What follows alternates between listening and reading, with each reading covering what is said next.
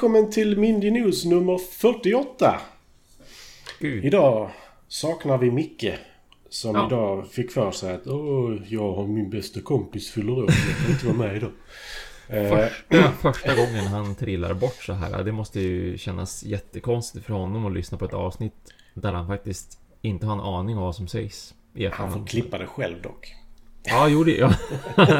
det får han absolut göra. Då kan jag ju dessutom redigera det så, så mycket lite han vill också. Och fortfarande göra det till sitt eget avsnitt. Kanske klippa in sig själv rent utav.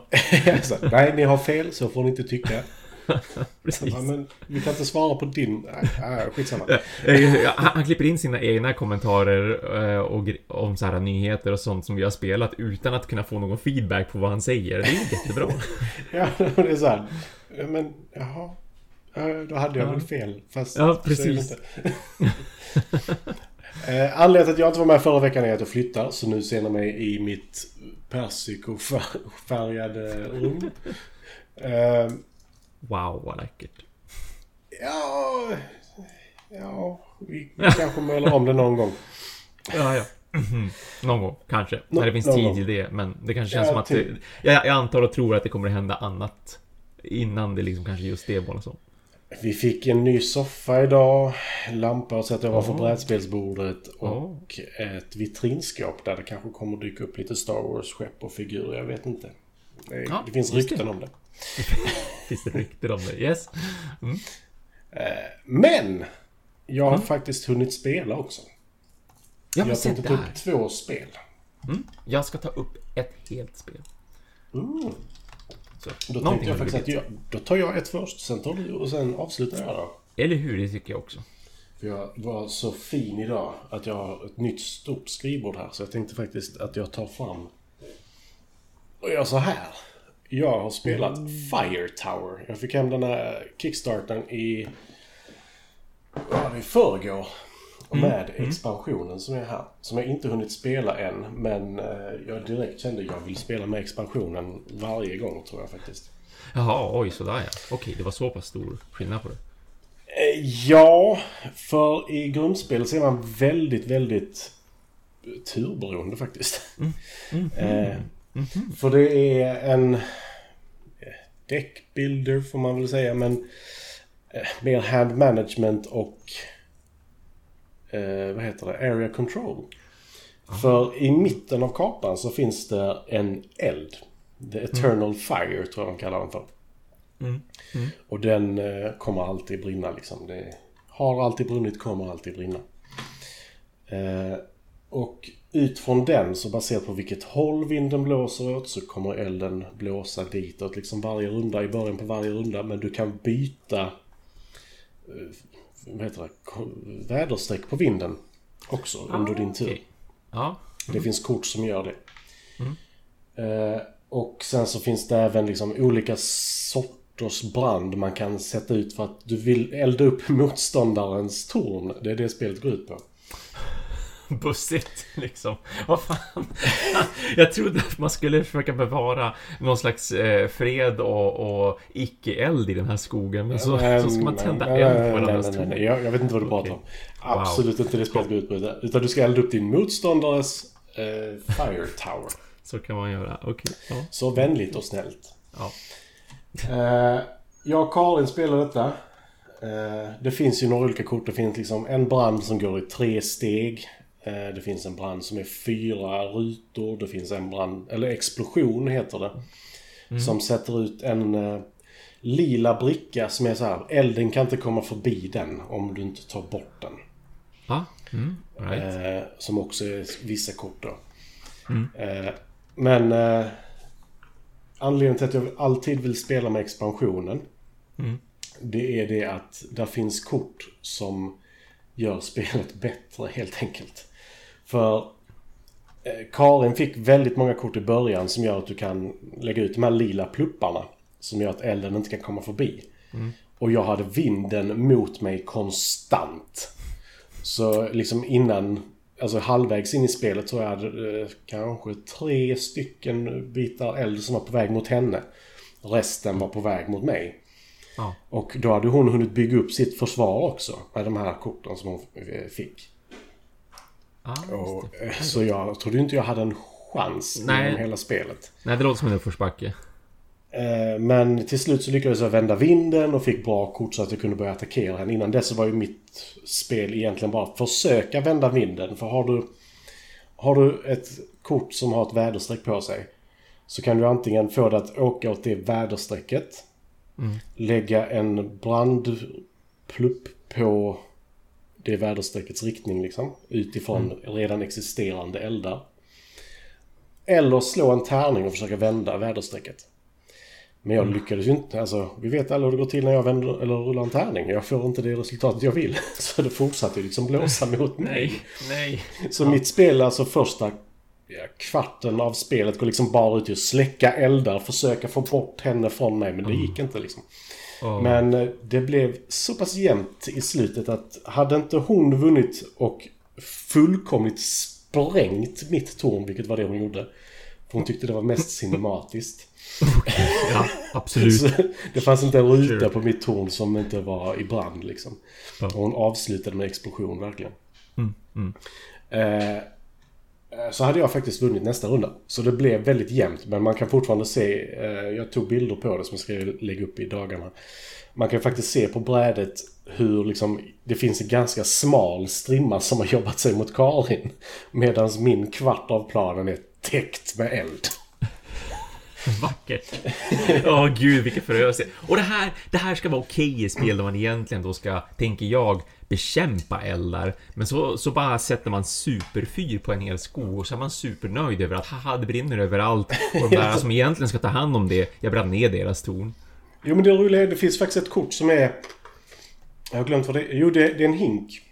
Ja, När ditt torn börjar brinna så kan du använda en hink. Den hinken gör att du kan släcka tre eldar i ett rakt streck. Men när du har Aha. använt den hinken. Ja. Nu kommer jag inte ihåg vad de kallar det, men du blir lite så här smågalen. Så du bara skiter i allting. Så om du lägger ut tre stycken utav antingen de här eh, korten som gäller lila pluppar. Eller eh, vattensläckarkort. Det finns ett gäng olika liksom. Ja. Eh, använder du några olika, tre olika av dem var. Så bör du istället lägga ut bränder. på, din, på din tur. Eh, jag hade inte turen att jag kunde göra, alltså jag fick inte så, lika många av det. Jag hade helt plötsligt en jävla massa väderstreckskort som inte hjälpte mig istället. ah, ah, synd. Eh, men eh, det är faktiskt väldigt kul för då blir man så här lite halvgalen. Det är liksom, det, du ska inte rädda den här skogsbranden. Nu, nu ska liksom, det ska brinna och det ska brinna där borta. Ja. Eh, så det är faktiskt väldigt kul. Eh, väldigt enkelt och kul spel. Eh, sen i expansionen så lägger de till ganska mycket faktiskt. Bland annat något som heter Firehawks. Som är små fåglar du kan placera ut. Så när elden träffar dem så får du flyga med dem bort till motståndaren. Jaha. Till där elden är på deras sida liksom. Eh, och så kan det vara upp till fyra spelare då. Eh, det, det är en stor grej och sen så har de lagt till, vad heter det, torra stormar tror jag de kallar det. Mm. Som är fyra blixtar. Som du hela tiden flyttar Oh. eh, framför en eld du sätter ut Oh, liksom. aha. Och ja. kommer då det kortet upp så slår ju blixten ner på de ställena. Först och då sprider sig elden ner. Eh, Så det är massa sådana kort som läggs till som också är jätteroliga. Mm. För i, i grundspel finns det någonting som heter Ember som är att du tar en av dem som är i närheten av dig och flyttar bort dit du vill på motståndarens sida liksom. Mm. Men här, kan, här finns det ju Firehawk som har samma effekt men du placerar ut som ett skydd för dig själv och sådana grejer. Eh, och så finns det massa andra kort. Det verkar mycket, mycket roligare och du kan få det att bli en hård bris liksom så att det blåser mer ett par rundor. Du får lägga ut alla dina vindkort. Och då får du lägga ut liksom, ja men ett, jag har ett öster, ett väster och ett norrut. Då lägger du ut Ja. en eld österut, en eld västerut och en eld norrut. Eh, men de behöver inte sitta ihop på något vis utan det kan vara där borta och där borta liksom. Eh, så det finns massa cool grejer, eh, kul grejer i det. Ja. Eh, Ja. så det, det vill jag definitivt spela med Ja, expansionen. det förstår jag ju. Det lät väldigt matigt och efter det så, så förstår jag ju absolut om man inte går tillbaka till att bara spela originalet, eller grundspelet liksom. Ja men det, det känns som att grundspelet är... Vad ska man jämföra det med? Alltså... det, det är väldigt grundläggande på rätt sätt. Men ah, ja. jag vill ha djupet som kommer. Ja, just det. Så. Just det. Ja. Och sen blir det inte jättedjupt heller. Det, men det blir ju roligare tror jag.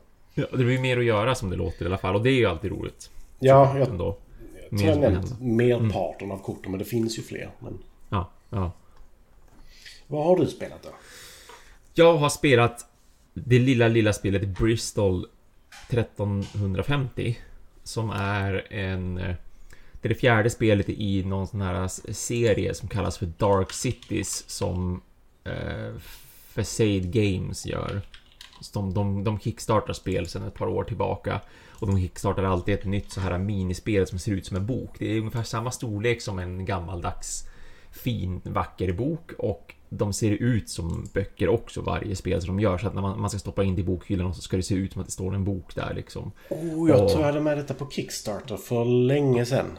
Ja, är det pestspelet? Ja, precis. Jajamensan. Ah, ja. jajamän. Det här är pestspelet. De har gjort tre stycken andra då som, som alla har ju ett namn, bara liksom ett, ett kort ord och sen är det ett årtal efter det. Så det verkar vara deras grej liksom. Och nu är det då Bristol 1350 som då utspelar sig i Bristol i England och som sagt, det är liksom pestens tid, det är digerdöden som härjar. Och det fantastiska här, det är ju temat att det är ett racingspel med digerdöden som en slags avgörande faktor lite granna och det man aktar sig för i spelet. Eh, för man kan, det är lite som vissa spel sådana här som är kooperativa eller semikooperativa att man kan vinna spelet men man kan också förlora spelet. Du kan ju vara infekterad och det är det som kan hända här. Att du kan, du kan förvisso vinna racet men om du har digerdöden så vinner du inte i alla fall. För det gäller att det gäller att liksom det gäller att vinna racet och samtidigt inte vara smittad. Och därmed kan också flera spelare vinna. Flera stycken kan gå i mål mm. samtidigt och då kollar man bland er som gick i mål nu är det någon eller är det flera som har digerdöden för då förlorar ni och skulle det då vara alla visade sig då fortsätter spelet istället tills det är någon som kommer i mål som inte har digerdöden annars förlorar helt enkelt alla spelarna i sådana fall.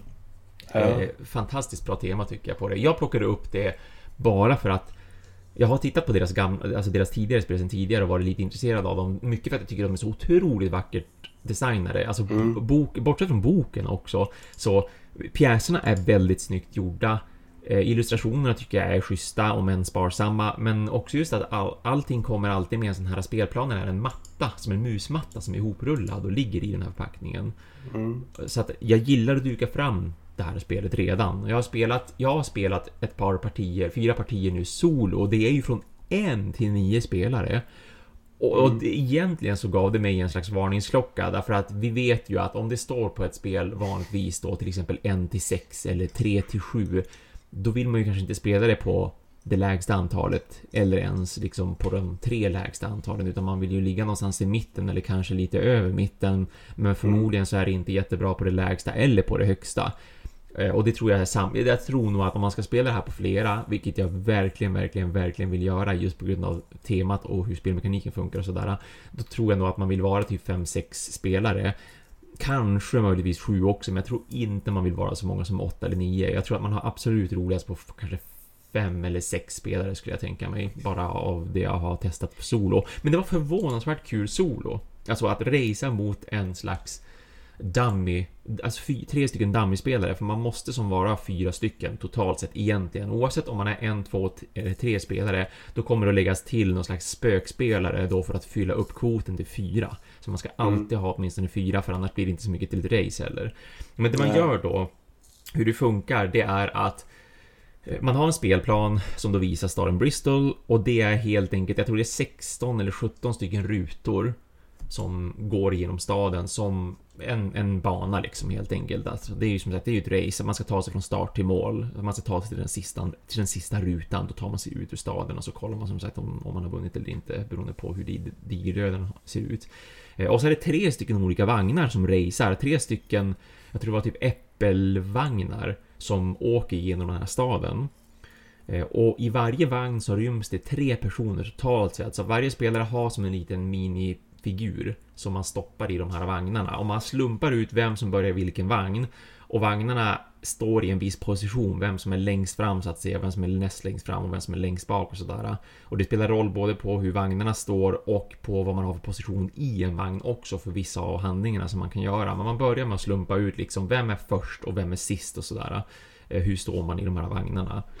Eh, och beroende på, ah, beroende på spelarantal också så kommer vissa vagnar att fyllas upp och vissa kommer inte att fyllas upp. Det liksom finns en prioriteringsordning för det där. Men så att man, man ställer tre stycken vagnar på startlinjen. Man placerar ut sina figurer i de här vagnarna enligt här specialregler för hur man ska positionera sig när spelet börjar. Eh, alla får två stycken eh, kort som kommer att visa det kommer att vara avgörande för om man har digerdöden eller inte. Det är siffror helt enkelt från 1 till 4. Där då 4 är superhögt, det vill man inte ha. För om du när du håller på och kör det här spelet, när du racear, det du inte vill ha när du går i mål, det är att du vill ha, du vill inte ha kort som tillsammans, när du adderar de två siffrorna, så får värdet inte vara 6 eh, eller högre. För i sådana fall torskar du. Det innebär att du har dirdöden om du, om du sitter med de korten. Men du, det betyder inte att du förlorar omedelbart där och då, utan det är bara i slutet av spelet som det verkligen spelar roll. Det är bara när din vagn, vagnen du befinner dig i, passerar över mållinjen. Det är då det spelar roll på vad du har för siffror på de här två korten som du har i din hand. Mm. För man kan nämligen mingla bort de här korten och ge pesten till någon annan förhoppningsvis. Eh, det funkar annorlunda i sololäget. Sololäget där måste du hela tiden hålla dig under då det här totala sex i, i, korten som du har. Jag gillar att gång. du för ja. övrigt klagade på att man ska elda ner en skog i detta. I detta så ska du sprida pesten jo, för att du själv inte ska ha det. det. det. är ju kanske inte... Men, men det sker ju lite så här på, på ett vis så sker det ju utan att man egentligen vill det och kan egentligen påverka det, för det är väldigt slumpat när, när det här minglandet och, och den potentiella smittan sker. Eh, för, för det bestäms allting av tärningar, både när man ska mm. mingla så att säga, som de kallar det för, att man minglar och det är då man potentiellt blir pestsmittad. Eh, men också hur vagnarna rör sig, allting kommer att bestämmas av tärningar. Så på ett vis så, man gör ju som inte aktivt så här nu fingrar jag dig i näsan och så fick du pesten av mig. utan, utan det är ju så här, hoppsan, jag råkade liksom snubbla över dig och du, eller du snubblar över mig och nu utbytte vi bakterier och plötsligt visar det sig att jag är frisk. Jag hade aldrig pesten, men du, du hade pesten. um, så så det, det man gör det är att man börjar med att rulla sex stycken tärningar Eh, och tärningarna kan visa på en av två symboler. Antingen så är det ett äpple eller en råtta. Och de är i de här tre olika färgerna som vagnarna har. För de, de tre vagnarna som finns då, det är en vit vagn, det är en orange-brun vagn och så är det en... Vad är den sista egentligen? Den är typ silver eller svart? Den, den står att det är oak och den ser väldigt mörk ut. Ja, just det. Ja, ja, ja. Jo, ja men precis. De har lite vackra, de har, de har vackra, vackra typ tränamn tror jag på allihopa. Det är så här Birch och Oak och någonting annat. Mm, men, ceder. Ceder, ja tack. tack. Mm. Så det är tre stycken olika färger. Och den här, antingen får du ett äpple eller en råtta i någon av de här tre färgerna. Um, det du vill ha på din vagn, du vill ha så många symboler generellt sett i den färgen som din vagn befinner sig i. För det är så många steg som din vagn kommer att gå framåt när hela den här rundan är slut. Och det spelar ingen roll på om det är äpple eller om det är de här råttorna då. Du vill dock inte att det ska vara råttor därför att råttorna kommer att påverka att det blir ett minglande och liksom som sagt generellt sett så vill du ju inte mingla om du nu är frisk men om du då är pestsmittad så vill du mingla för att få bort dina kort. Eh, mm. Och det du kan göra på din på din tur. Eh, turordningen går i vem är längst fram i racet. Så att den vagnen som ligger längst fram för stunden och den spelfiguren som står längst fram i den vagnen, den personen börjar med att göra en handling. Och handlingen kan antingen vara att man tar två tärningar och så slår man om dem. Vilka som helst, spelar ingen roll. Och så kollar man bara vad blir det för resultat och så blir det det resultatet helt enkelt. Man kan liksom inte påverka så mycket mer än så. Annars kan man också armbåga sig framåt så att om du står till exempel om du, om du står längst fram i någon vagn då får du hoppa till vagnen framför dig. Det kan man såklart då inte göra med andra ord om du redan befinner dig längst fram i den mm. vagnen som leder racet. Men om du befinner dig någonstans bakom eh, och du står längst fram i din vagn, eh, då, då, kan du hoppa framåt till nästa vagn om det finns plats där. Du kan också, om du vill, knuffa av en spelare, eller dig själv, du kan välja att, valfri, att, att frivilligt hoppa av din vagn och då hamnar man automatiskt längst bak i den vagnen som är längst bak i ledet, liksom den som är sist i hela det här loppet. Men du kan också då göra samma sak mot en spelare. Eh, om en spelare sitter i din vagn, en eller flera, man kan ju vara tre stycken totalt som sagt, då kan du knuffa valfri spelare så att den personen istället hamnar allra, allra, allra längst bak. Är det då så att du knuffar någon, ni, ni befinner er i den sista vagnen i racet, då finns det ju inga fler vagnar bakom er, så du kan alltså knuffa en spelare ur spelet. För det är det som händer. Knuffar du ut någon från den sista vagnen, då dör den spelaren liksom. Då kommer man efter, då kan man inte vinna, då har man, då har man bara kikat helt enkelt. Men okay. risken som finns där, det är att om du knuffar ut en spelare som är pestsmittad, eh, Fan, hur var det där? Jo, nej. Om du, om du knuffar ut en spelare som är pestsmittad, då är det okej. Okay. För ingen gillar ju pestsmittade människor. Men om du knuffar ut någon som är frisk, då blir du dödad. Då, och då åker du ur spelet helt enkelt.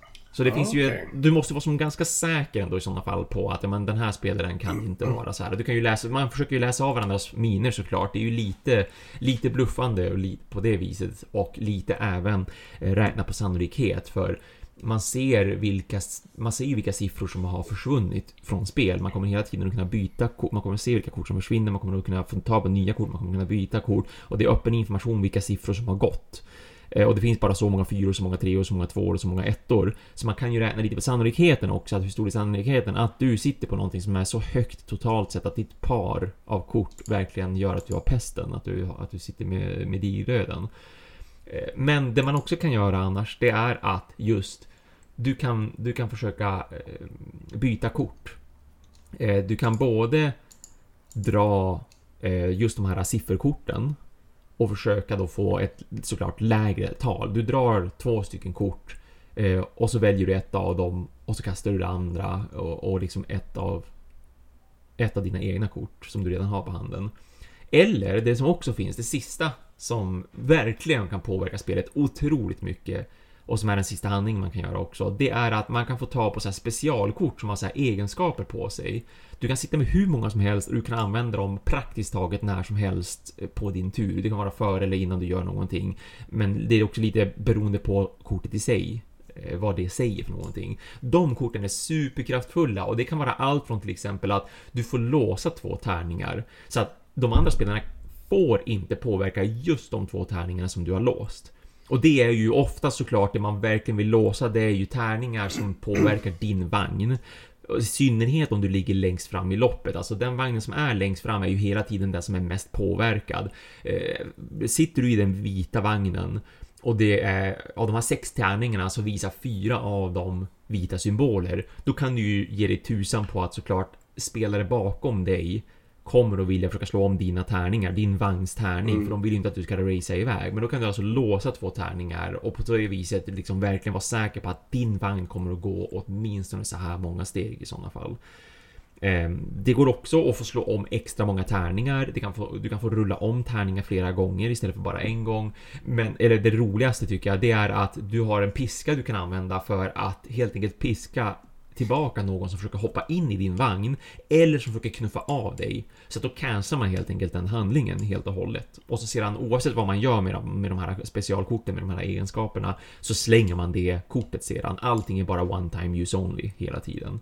Så att man kan få ta på fler sådana kort det är en handling, men att spela de här korten, det är inte en handling i sig. Så har du tre stycken superbra-kort som du vill använda när det är din tur, då kan du spela alla tre på en gång. Och sånt här, som sagt, det kan ju verkligen vända ett race ganska mycket. Eh, I och med att du kan påverka tärningar med de här korten, du kan påverka andra spelares handlingar med de här korten och du kan påverka dig själv väldigt mycket med de här korten.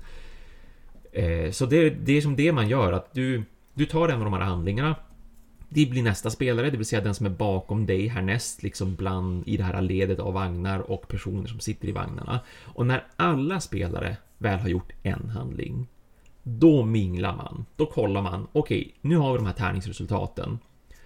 Vad visar de för råttor? Hur många, hur många råttor finns det? Om en vagn har två stycken eller fler råttor på de här symbolerna, eller på de här tärningarna, då minglar alla spelare i den vagnen. Och det man ska göra då, det är att man tar de här två korten, de här siffervärdeskorten, pestkorten. Man tar och samlar in alla de två korten från alla påverkade spelare. Och så lägger man till ett kort från den här korthögen med pestkort. Och sen blandar man allt det, delar tillbaka två kort till varje spelare som är inblandad i det här minglandet. Och så blir det då ett kort över, för man har ju adderat ett kort totalt sett till den här högen.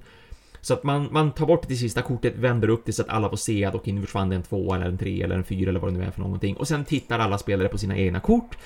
Försöker inte göra allt för mycket minspel över huruvida de då till exempel blev smittade på grund av vad som har hänt eller att de är osmittade nu då på grund av det som har hänt. Och eh, sen då när alla har minglat, då flyttar man vagnarna. Så att som sagt, alla vagnar går då efter vad tärningarna visar. Det spelar ingen roll om det är äppelsymbol eller om det är en råttsymbol. Äpplet är ju helt enkelt bara frid och fröjd. Liksom, det blir inget minglande och vanligtvis vill du ju inte mingla såvida du inte har digerdöden själv. Då vill du försöka bli av med dina kort och försöka få tag på lägre värden i sådana fall och sno liksom lägre värden från andra spelare potentiellt. Eh, så då flyttar man alla vagnar och sen börjar man bara om.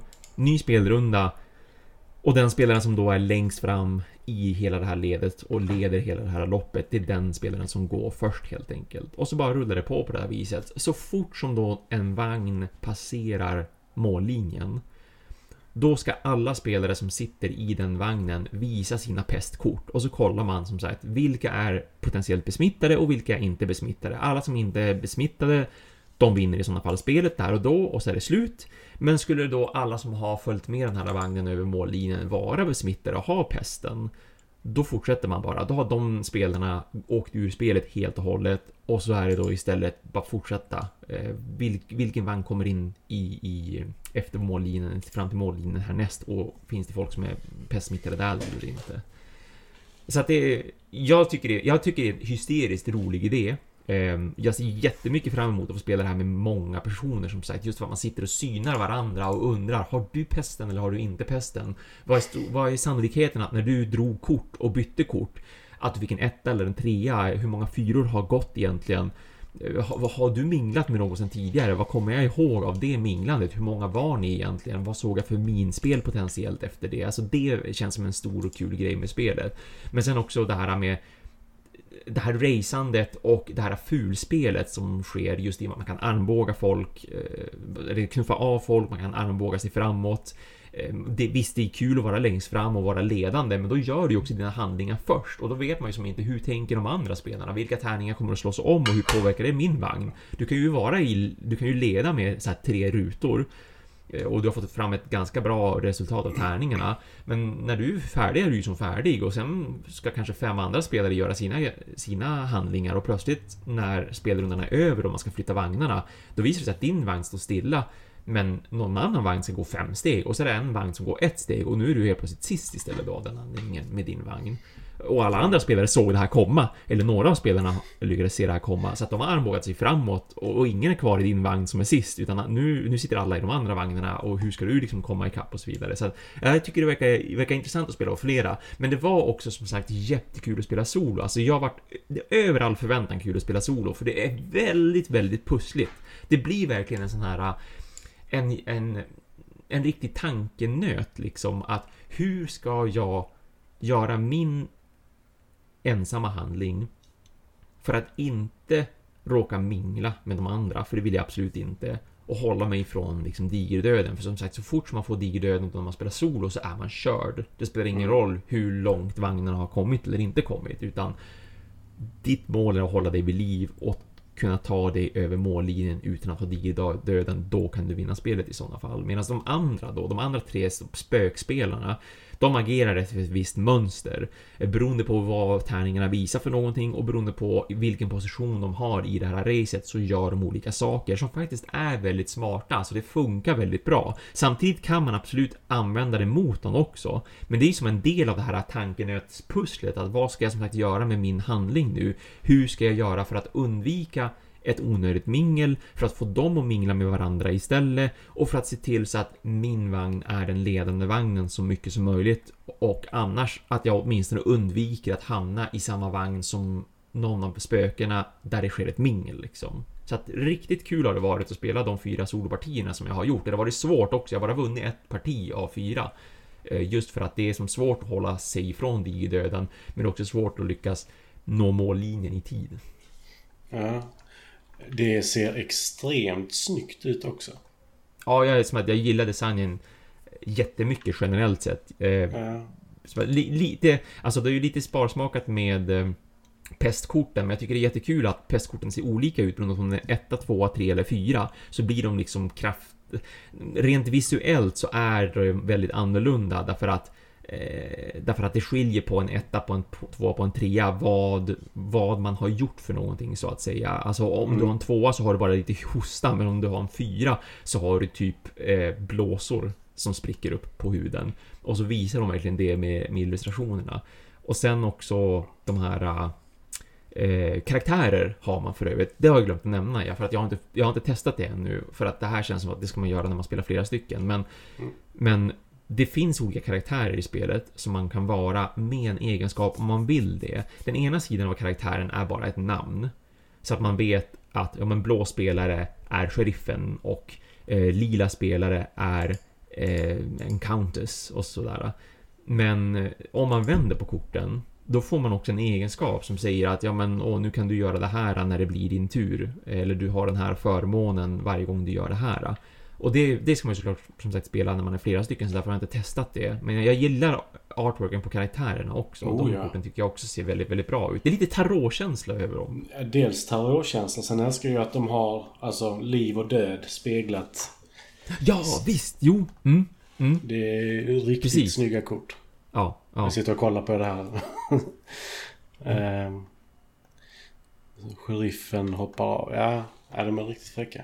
Ja, riktigt. Edelwife och sheriff. Och bra, bra vad heter det, känns det som i alla fall. Komponenter med tärningarna också. De, har, de är ju så här liksom lite insjunkna tärningarna. För det är ju som graverat då de här symbolen för en råtta eller ett äpple och vilken färg det då är på vagnarna.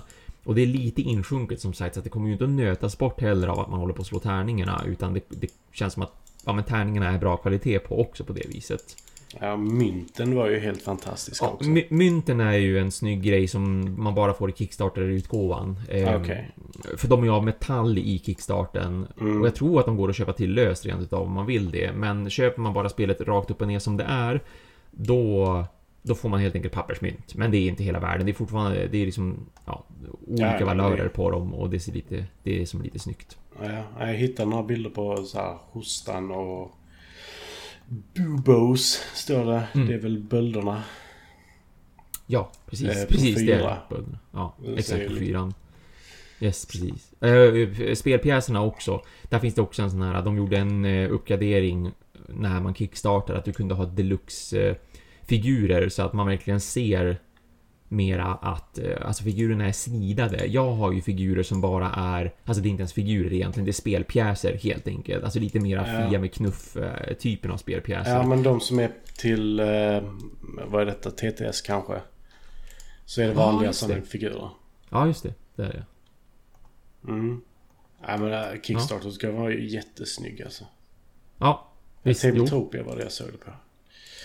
Mm. Uh, nej, det, det, ser riktigt snyggt ut. Och som sagt, det, det, det låter inte lika mycket som ett ondskefullt spel som det låter som ett busigt spel nästan. Ja, men Precis, ja. Det är det jag känner också att det är. Just i och med att man som sagt inte har full kontroll över när smittar jag potentiellt någon och blir det ens en smitta? För att mm. när man delar ut de här korten kan du ju lika gärna få tillbaka dina egna kort eller få värre kort ännu. Till och med. Bara, åh nej, jag har två stycken treor, det suger ju, men nu ska vi mingla lite grann så kanske kan bli av med dem. Nej, okej, jag fick en trea och en fyra istället. Ja, okej, ja. det är fortfarande dåligt liksom. ja, nej men det känns lite så. Mm. Så det, det verkar verkligen Alltså som sagt, inte ondskefullt utan sådär oj oj. Ja, nu ska jag fram här. Men kan alla vagnarna komma igenom? Potentiellt? Ja, visst. Oh, då, oh ja, potentiellt så kan ju alla det. För att om den första och andra vagnen går igenom och de som har stått i de vagnarna har haft digerdöden, ja men då är det ju ingenting som händer liksom. Då, alltså då har ju, då, då är det ju två vagnar som har torskat helt enkelt med, med spelare. Så att förr eller senare kommer ju någon att vinna och det kan ju lika gärna vara någon som sitter i den sista vagnen. För, mm. för att man vet ju aldrig säkert att man förlorar heller, alltså det behöver ju inte betyda att bara för att du ligger sist i en vagn eh, som är sist menar jag, i racet så behöver inte det betyda att du har förlorat spelet och ska ge upp utan även om de andra ligger liksom fem rutor före dig för att du har haft jätteotur med tärningarna då kan du fortfarande vinna på grund av att de andra har å andra sidan minglat så mycket kanske så att eh, när de väl går i mål så har alla digit döden och så kommer du liksom superlångt efteråt och bara ja, nej men jag har inte digit döden så att nu vann ja, Men du måste vara i en vagn. Men du måste vara i... Precis, exakt. Ja, du måste ju vara i en vagn. avknuffad helt så är du liksom... Nej, ja, du är, då är man dead, körd. men... Ja. ja.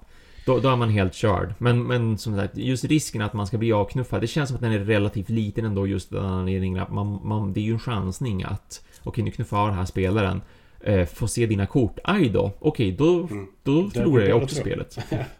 ja, nej men det, det, är en kul grej ha med som sagt. Mm. Jag gillar det.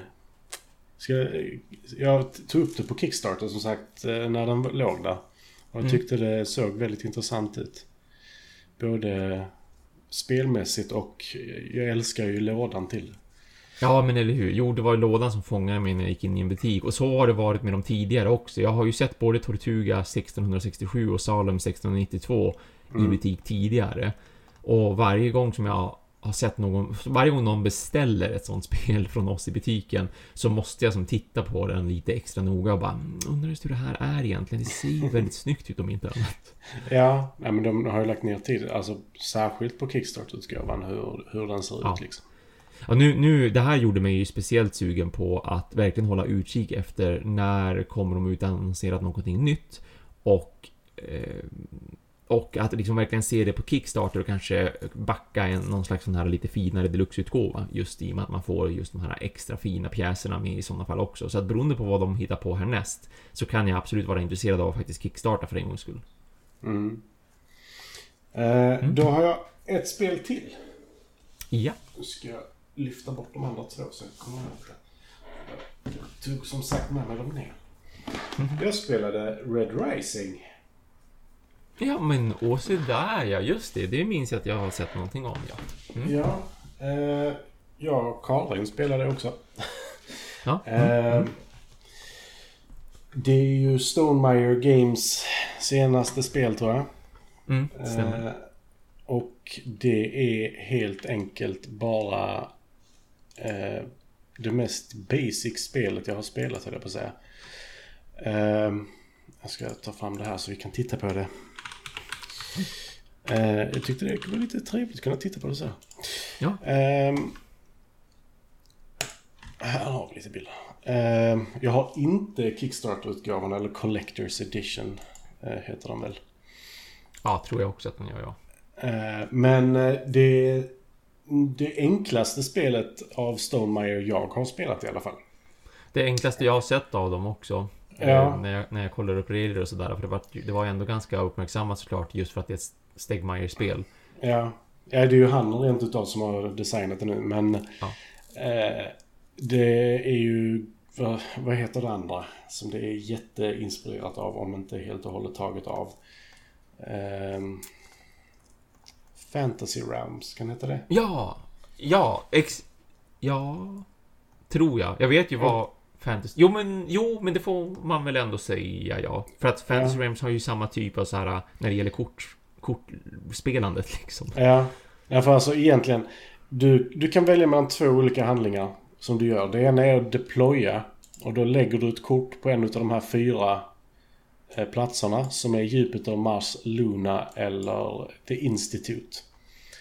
Mm. Eh, och då gör du deploy, eh, alltså skillen på kortet kan man säga. Mm. Eh, och då kan det vara liksom, alla korten är unika i hela spelet. Men sen är ju varje effekt inte unik om man säger så.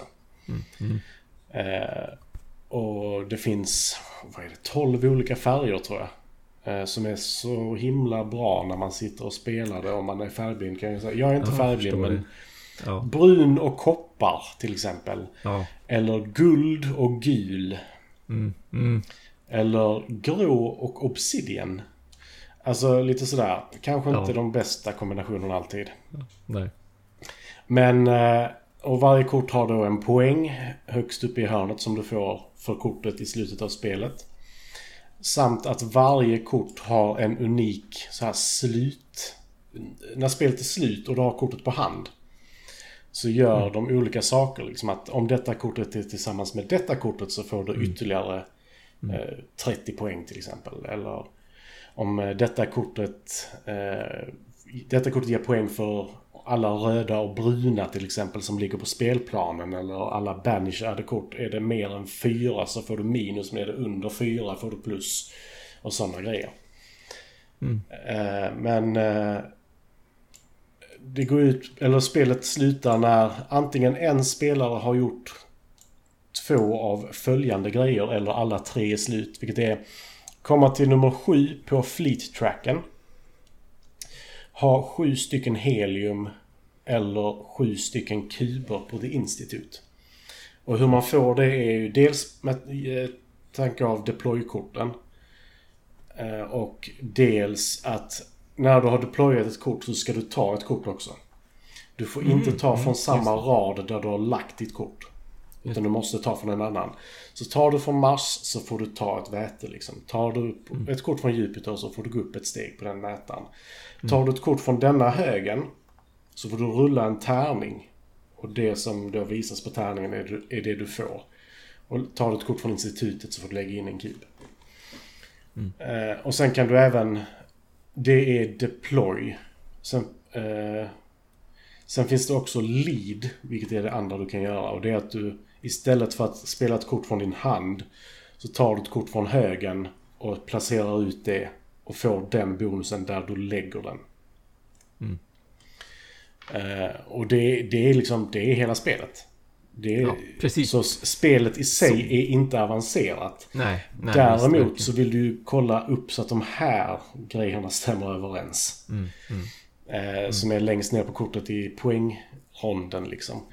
Du får lite hjälp på vänster sida av kortet. För där brukar det ofta vara en färg som antingen är överstruken eller ifylld. Mm. Och kanske några olika karaktärer eller sånt här som ger dig hjälp. Liksom att ser du den här karaktären överstruken då vill du inte ha den i slutet av spelet. Eh, men om en färg är ifylld då vill du ha så många som möjligt av den färgen kanske. Det, blir, det är liksom lite hjälp. Sen får du givetvis läsa längst ner på kortet också. Mm. Så det är ju som eh, födelsedagsbarnet Martin Grosso brukar säga. eh, read the card, it will explain the card. Eller reading the card Precis. explains the card. Mm, mm. Eh, det är liksom det spelet. Eh, och när jag och Karin spelade nu, hon blev så arg på mig. För jag lyckades få ett kort som så här, tar bort ett helium från din motståndare om de inte kan visa ett rött kort. Oh. Och det gjorde jag ju två gånger när hon hade en oh. helium. Så hon blev så oh. Eller väte. Vad elakt. Ja. Jag kommer inte ihåg om det var väte eller helium. Det är strunt samma.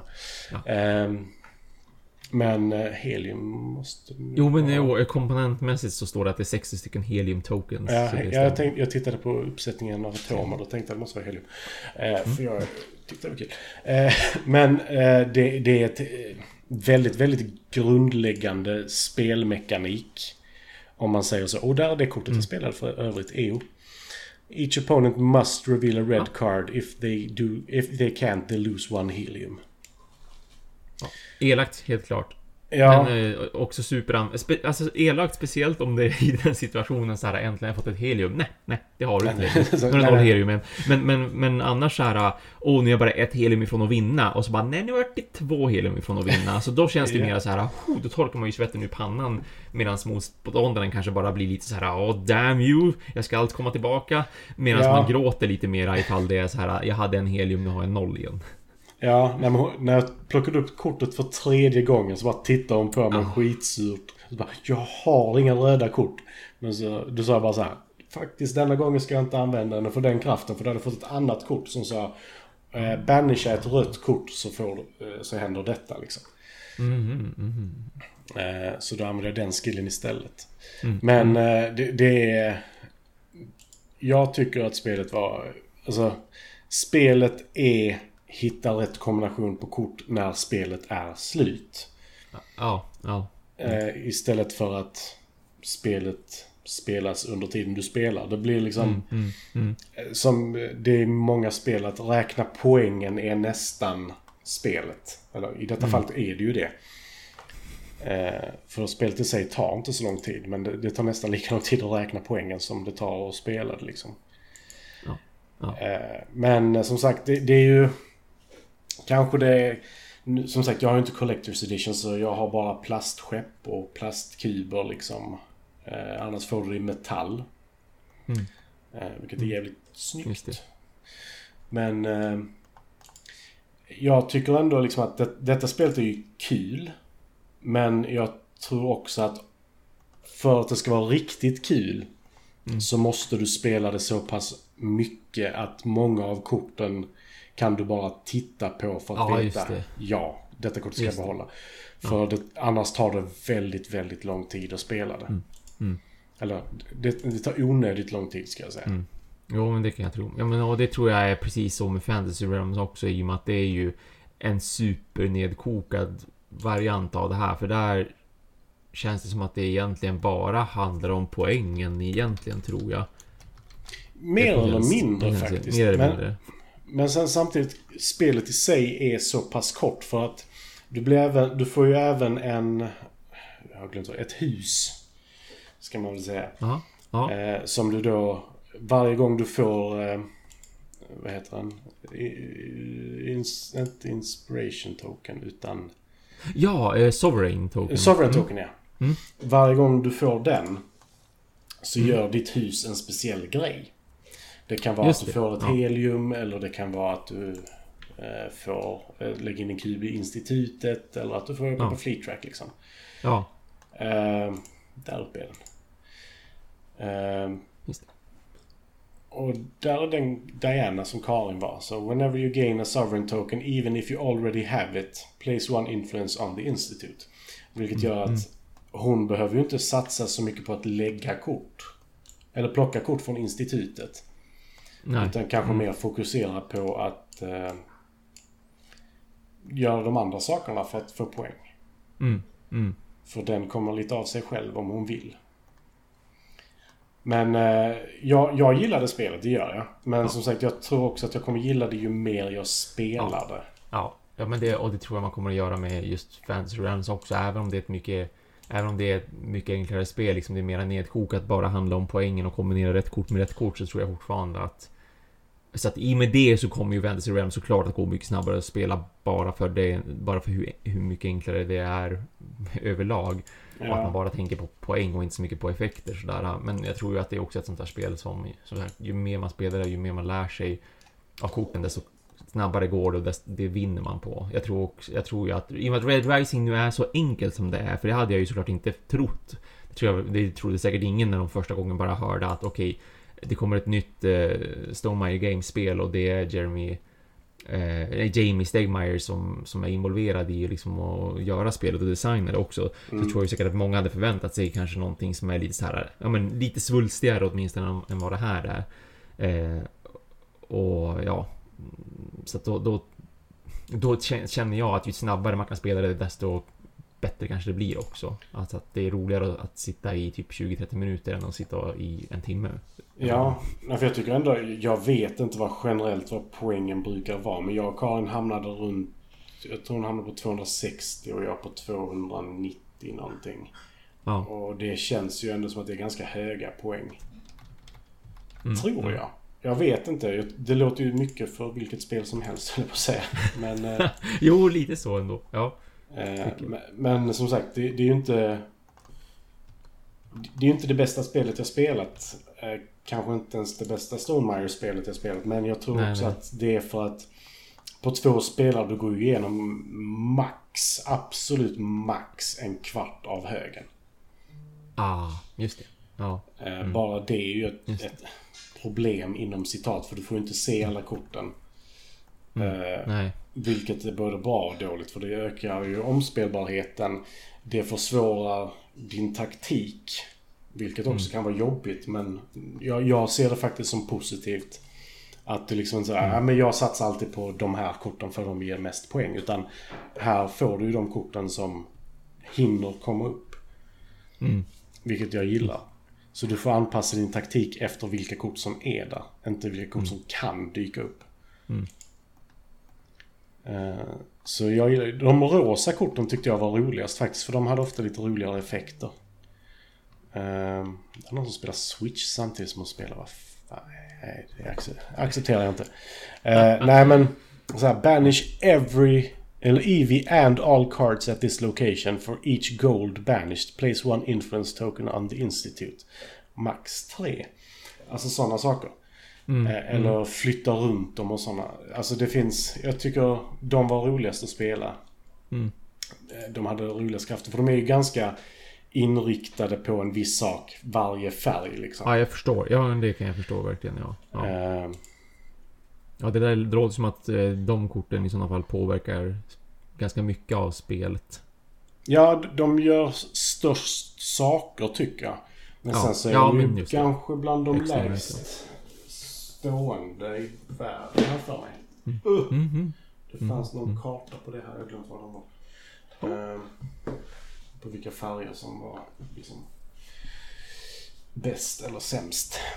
Gold är ju bäst. Eh, Såklart. Men jag, jag, jag kan... Det är ganska billigt också. Jag köpte på rea dessutom. Eh, Men det är ett Har ganska runt 400 billigt spel. spänn verkar det kosta. Det la jag inte ner kan jag säga. Jag tror jag la ner 250 eller något. Oj, shit ja. Då, det Så- känns som att det absolut kommer att vara värt. Ja, men det, tror jag, det tror jag också. För jag fick jättebra pris. Jag, jag var jättenöjd när jag köpte det oavsett faktiskt. Ja. Eh, för det känns ändå som att jag kan få tillbaka, om jag inte skulle ha gillat det, att jag skulle kunna få tillbaka den summan ändå. Mm, oh ja. Det tror jag. Visst. visst. Eh, så jag är mer än nöjd. Bonuspoäng för att de på baksidan när de listar komponenterna har skrivit exakt hur stora alla kort är. Så att det står att det, det finns 112 karaktärskort och inom parentes är de 65 gånger 100 mm. Medan det också finns ja, men 25 stycken Automa Cards som är 57 gånger 87 mm och ytterligare 5 Automa Cards som är 65 gånger 100 mm. Så att alla kort eh, är utskrivna exakt hur stora de är. Så det är så superenkelt verkligen att ha koll på när det gäller plastfickor. Ja. Nej, definitivt. Och... Alltså vad ska man säga? Komponentmässigt så tycker jag ju att ofta att Stonemaier ligger ganska högt. Bara en sån sak som Ja, liksom att... tycker jag. Eh, till exempel, vad är det? Både Wingspan och Scythe tror jag det är. Har ju... Ja. Så här packar du ihop spelet på bästa sätt. Jaha. sådana Oh, saker. även. Okej. Wingspan, Wingspan vet jag har det. Ja, jo men just det, är när du säger det så. Mm, nej. nej, jag är Eh. också osäker på Sight, vad länge sedan jag spelade det. Men, men nu när du säger det så jag visst Wingspan. Ja, så Ja. sådana saker. För det, det hade jag ju behövt i min eh, Paladins of the West Kingdom-låda kan jag ju säga. Eh, och jag har glömt skriva upp vilka spel vi har pratat om. Det får jag göra. Ehm, Det går snabbt. ja. Men eh, jag tänkte... Då har vi ju gått igenom vad vi har spelat. Ja, vi, vi glider väl över vidare då till nyheterna. Ja. Mm, så. För det har vi pratat om. Eh, och jag har skrivit upp ganska många nyheter faktiskt i och med att Micke inte Det- skulle vara med. Ja, men jag har också skrivit upp ganska många faktiskt. När jag väl kikade runt lite grann så var det, så var det en hel del som har hänt den senaste veckan ungefär. Ja, för jag tycker det har varit väldigt bra nyhets... Ja, Oh ja. Vad heter det? Dubbelvecka. visst. Eh, men ska vi köra varannan? Så får vi se Ja, om men vi snor visst. någon av någon. Vilket kanske är mycket möjligt. Mycket Jag möjligt. tycker att alla är lika Absolut. bra. Ja, mm, mm. Men då får du börja denna gången tycker jag. Eh, Då... Jag börjar med att ta upp en rollspelsgrej. För Mm. att göra Micke glad också. Eh, Jag Det har såg... ingen. Ja, jag misstänkte det. Eh, Jag, jag bara fick, och det här fick jag inte ens i mitt eget flöde, utan det är, jag känner många som rollspelar mycket. Och tydligen imorgon nu när vi livesänder, när vi livesänder, det vill säga då om man lyssnar på det här på fredag så är det nu på fredag och även på lördag. Så att den 16 och 17 juli då är det ju någonting som säkert rollspelare redan känner till och sådär. Men någonting som heter D&D Live. Där det tydligen sitter då kända människor och rollspelare helt enkelt och gör ett äventyr tillsammans.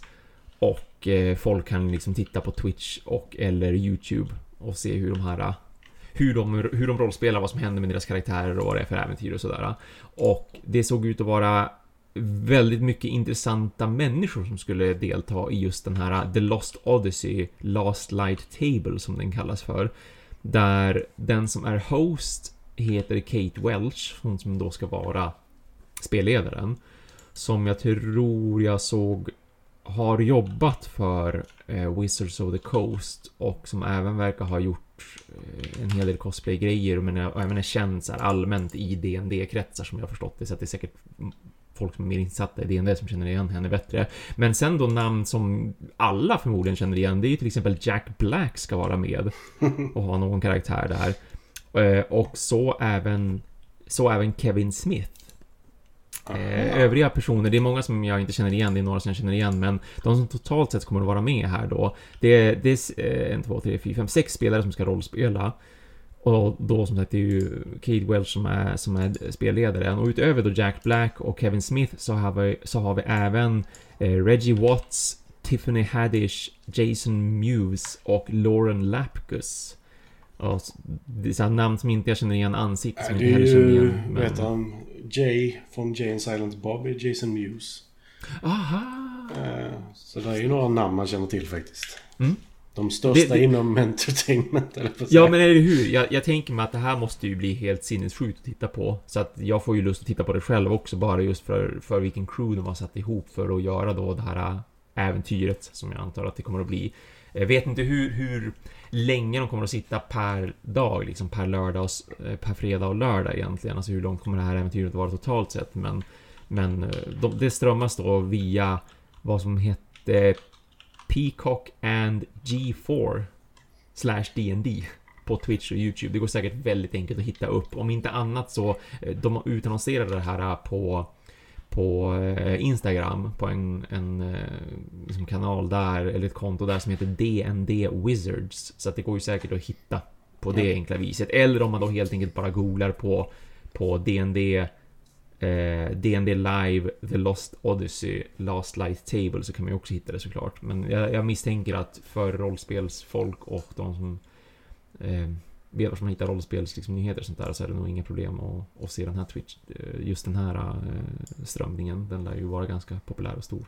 Jag har för mig att Peacock är typ PBS egna streamingtjänst eller något sånt där. Aha. Aha. Mm. Jag för mig det, något sånt där. Ja, så det var min första nyhet. Lite ja. rollspel där. Eh, jag tar en som jag inte har spelat grundspelet till.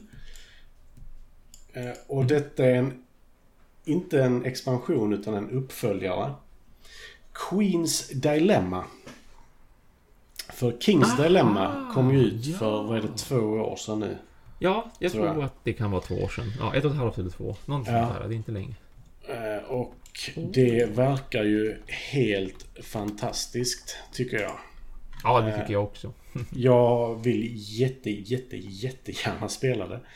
Mm. Men det är dels ett dyrt spel. Det är dels ja, ett... Jo. Eh, vad heter det? Um, Väldigt speciellt spel i och med att det är så här mycket player interaction.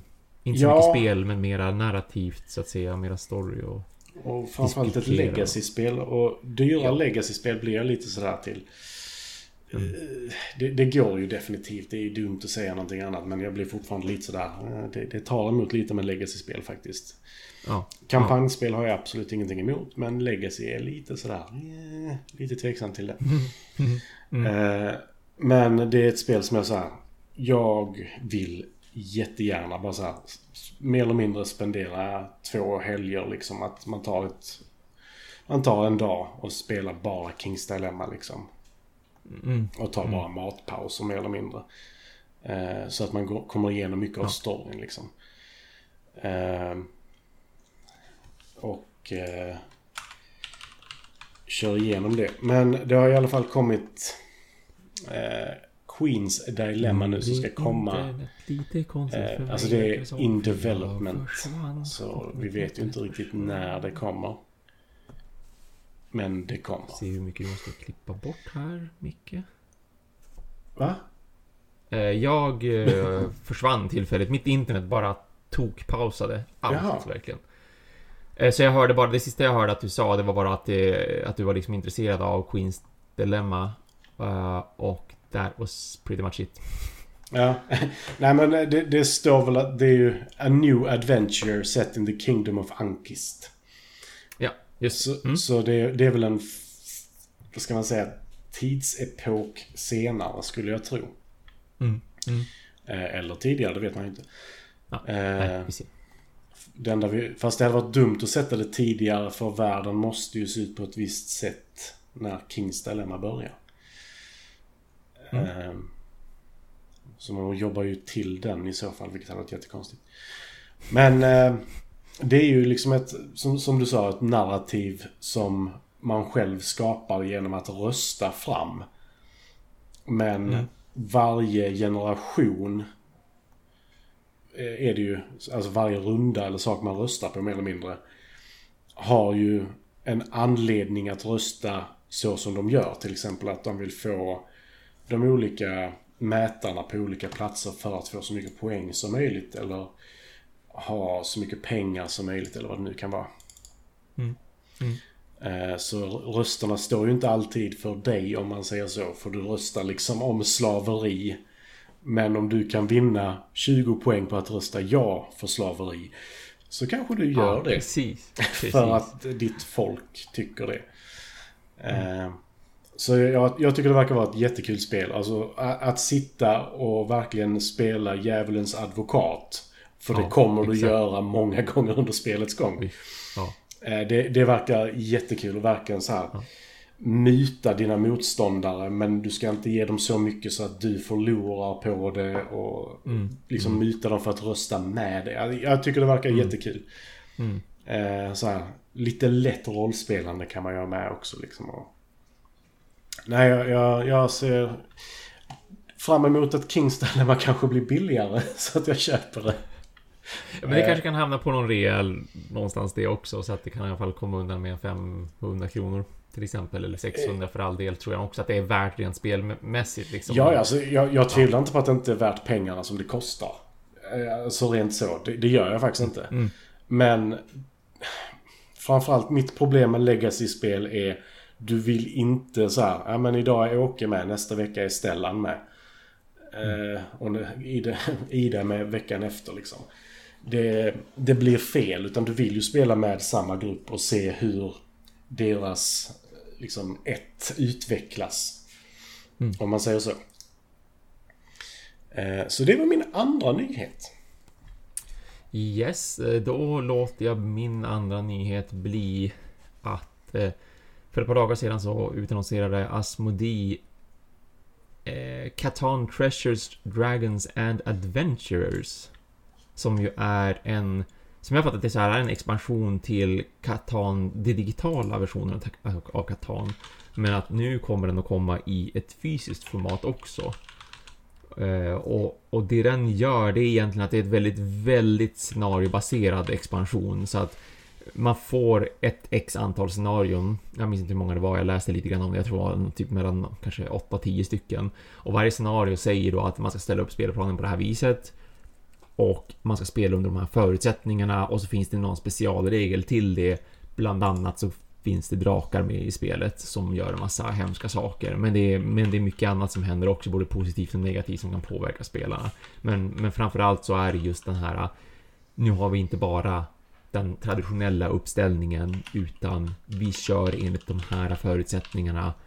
Man börjar här och här specifikt och eh, spelplanen kommer att se ut på exakt just det här viset och då finns det väldigt mycket så att säga fog of war där också att man lägger ut spelbrickor upp och ner rent utav och man vet inte exakt vad som finns där, vilken typ av resurs eller ens vilken siffra den resursen är knuten till förrän man kommer dit där och då.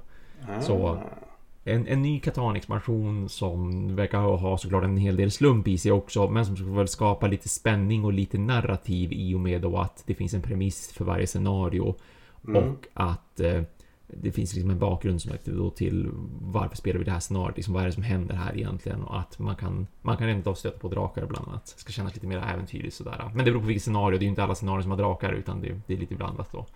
Um, och eh, den släpptes, om det var den här veckan Jaha. Som det skulle släppas rent utav. Sen vet jag inte hur lätt det är att få tag på. Liksom, det är ju ändå mycket problem med, med, med frakter och grejer. Um, så att det kan säkert finnas i, något, no, några länder men har inte, säkert inte dykt upp överallt.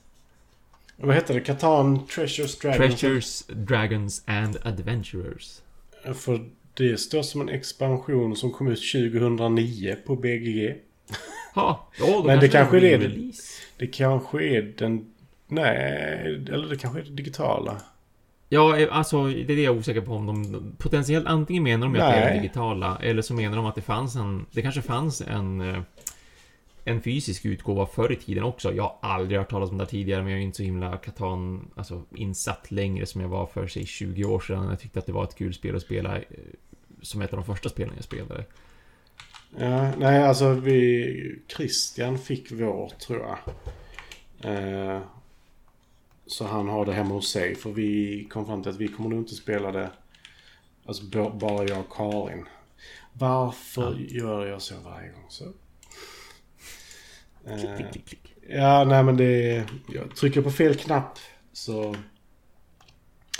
Ja. Äh, går in i ett annat mode. äh, Adventurers. Så. Skriver ner här under tiden. Uh, mm. Nej men det, det, verkar ju vara en tidigare utgåva. Som mm. kanske kommer till det digitala då. För det, det ser ju inte ut som Katana liksom. Uh, för det är ju inte en rund värld. Till att börja Nej men exakt. Nej visst scenarierna är ju som att de, är väldigt, de ser väldigt annorlunda ut från det vanliga Katan. Hur det vanliga Katan har spelats. Eh, med hur man ska bygga spelplanen här. I och med att varje scenario då har sin egen, sin egen väldigt unika uppställning för hur det ska mm. göras. Men det kan, alltså... Det är ju någonting som gör det mer fräscht om inte annat. Ja, ja. Eh, definitivt. Ja men jo, du. Det är för att det inte har funnits på engelska tidigare. Ah. Nu ska det bli på engelska. Det, när det släpptes då 2009 så släpptes det eh, på tyska. Och polska. Och sen dess har det varit på... Vad sa du? Och polska Och polska, ja.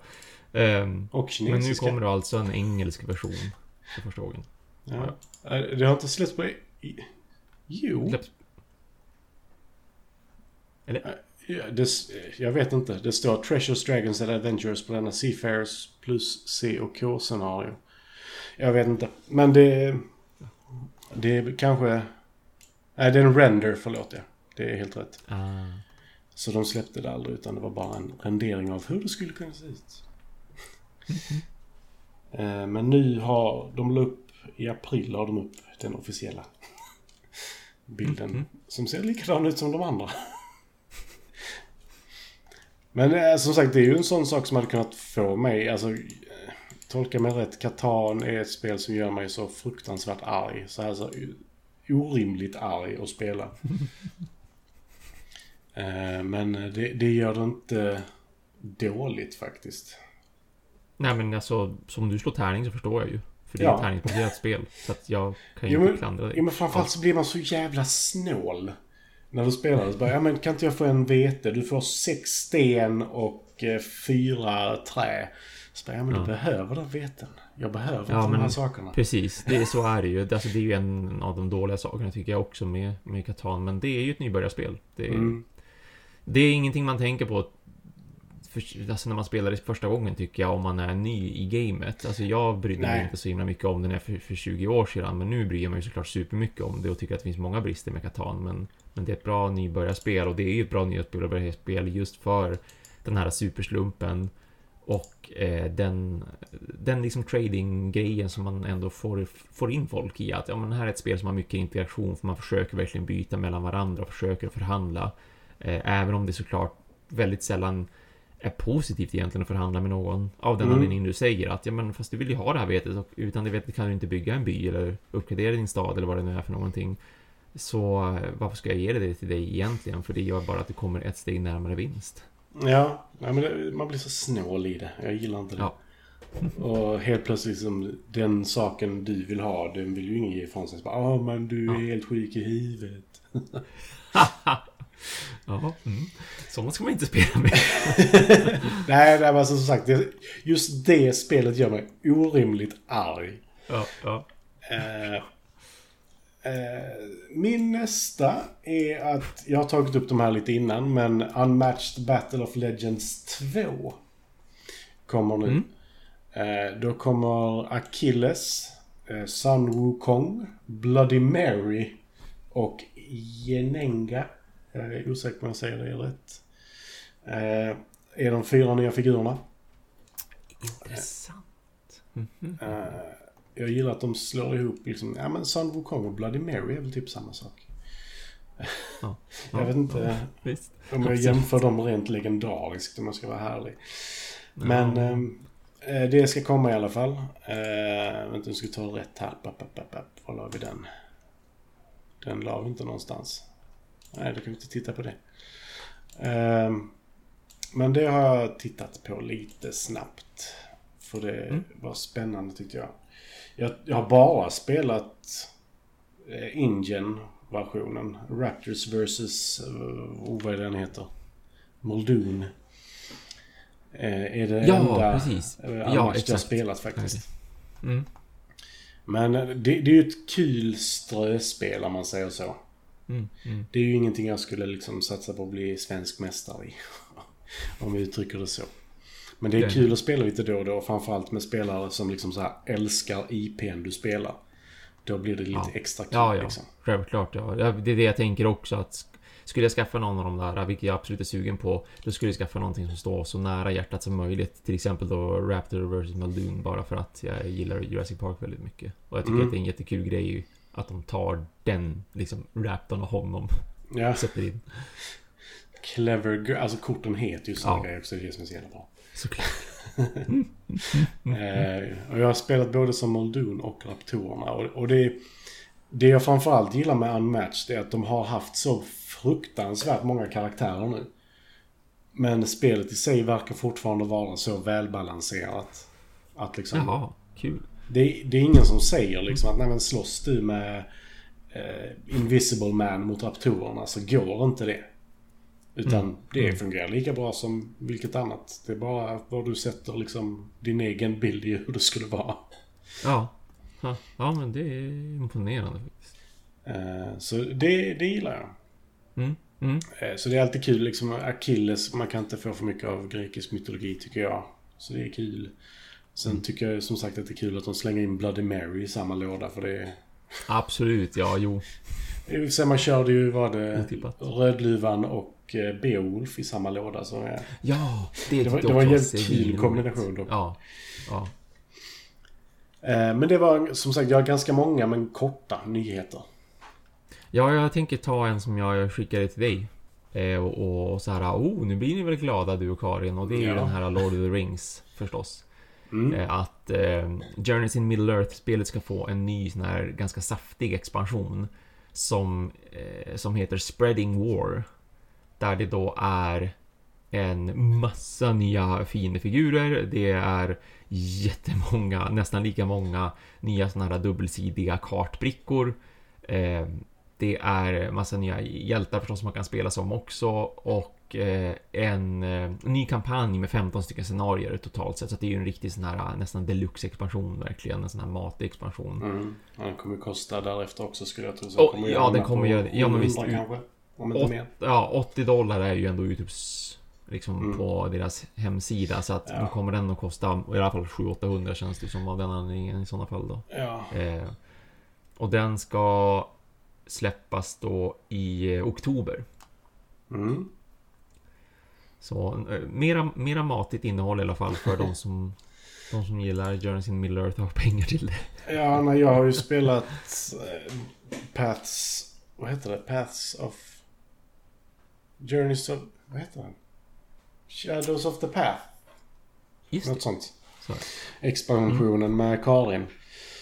Vi har mm. ett sjukt kraftfullt eh, lag av bara kvinnor som köttar allt.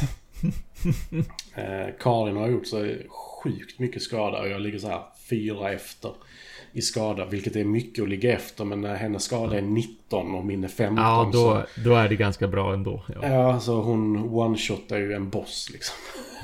bara, men om jag lägger till den här, så bara, ja då får du åtta till. Så bara, ja men det gör jag ju. Ja, så bara, ja. det förstår jag. Eh, Men det, det är riktigt kul tycker jag. Alltså vi, det kommer ju åka fram snart igen. Mm. Vi är inte klara med det äventyret. Vi kör ett med Micke också. Från grundspelet. Mm. Så vi kommer fortsätta spela och kommer troligtvis köpa den expansionen också. Kanske. Ja, det förstår jag.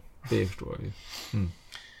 Eh, så det ska bli kul. Så jag, jag gillar inte att vara i grottor. Eh, det är... Det har ju den här fear. Som är en av de här sakerna som du kan dö av. Eller vad man ska säga. Mm. Mm. Eh, I grottor så är ju allting mörkt. Varenda rum är mörkt. Och stannar du i en mörk ruta Ah, så måste du... då får du fear. Ja. Då, Okej. då måste du liksom kolla om du blir rädd. Och det Mm. är varje runda då helt plötsligt som du måste kolla fear. Och det är samma, Mm. alltså det är bara fear. Det är inte skada någon gång utan det är bara fear. Så Mm. alla, allting blir mycket, mycket svårare. Ja, det lät hårt. Ja, och så har du en fackla som du kan använda två gånger och alla som är i din ruta tar hjälp av den. Och hur ofta kan du liksom, ett uppdrag börjar du till och med liksom på helt olika platser. Ha! Och då är det så här, Aj! Oj! Ja. Ja, jag kan ju inte, inte att jag använder den här förrän vi är i en grupp igen liksom. Eh, Så det, det finns för och nackdelar men jag, jag gillar ju vanliga uppdragen mer när det är öppet och sådär liksom. Även om... här, Hade man tagit bort den delen så hade jag gillat expansionen mer faktiskt. För jag, vi har slått mot en Balrog. Han Ja, lyser inte upp. Kan vi ju tillägga. Det är mörkt där han är också. Han brinner. Ja, det är orimligt. Det är inte rimligt. Nej, Det är det, det, det är det som är mitt problem. Det är mitt logiska problem det här. Balrogen brinner och det är fortfarande mörkt. Inte att vi slåss mot en balrog. Det är inte konstigt. Eh, Ah, får hitta på egna regler. ja, nej, men det, det är en sån här fånig grej som irriterar mig Ja. bara. Eh, min nästa sak är ett annat spel som jag tycker om att spela faktiskt. Dune Imperium har släppt en eh, information om en expansion. Som heter Rise of X, tror jag. Lite osäkert. Eh, som de ska släppa i år har de nog sagt. Vilket jag tycker kanske är lite tight med tid. Det kan jag också tycka. Absolut. Ja. Del, dels tight med tid och dels tight med eh, alltså efter grundspelet kom ut. Ja. ja, men ja, precis. Det är det jag framförallt också kan tycka att jag varit väldigt förvånad när jag också såg den här informationen. Mm. Sen så ser ju faktiskt den där symbolen precis ut som institutsymbolen. Nej, nej, nej. Det här accepterar vi inte. Eh, men eh, där släpps bland annat tre nya hus. Eh, och sen någonting som heter Epic Game Mode som de inte gått igenom vad det är än. Okej. Mhm. Eh, och det tycker jag verkar väldigt spännande. Och sen så är det givetvis mer kort. Eh, Mm. Och det de har gått ut med hittills är... Så här, Enter the fray as one of three new great houses with unique leader abilities. Acquire technological innovations from the planet X for a lasting strategic ad- advantage. Deploy fearsome dreadnoughts to rule the skies above Arrakis. Så det är ju någon ny fight-del, skulle jag tro. Eh, Dispatch subtle infiltrators to outmaneuver your opponents. Så det är väl mer intrigue i så fall kanske, eller någon annan version på det. Eh, dominate the Imperium in the new Epic Game Mode for a more intense high stakes challenge. Eh, som jag inte riktigt vet vad det innebär. För det... Nej, det är mycket av sånt här som ju bara, bara brukar skrivas fint och ska försöka göra en nyfiken.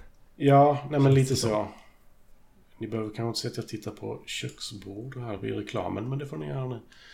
Eh, De som tittar. ja, exakt.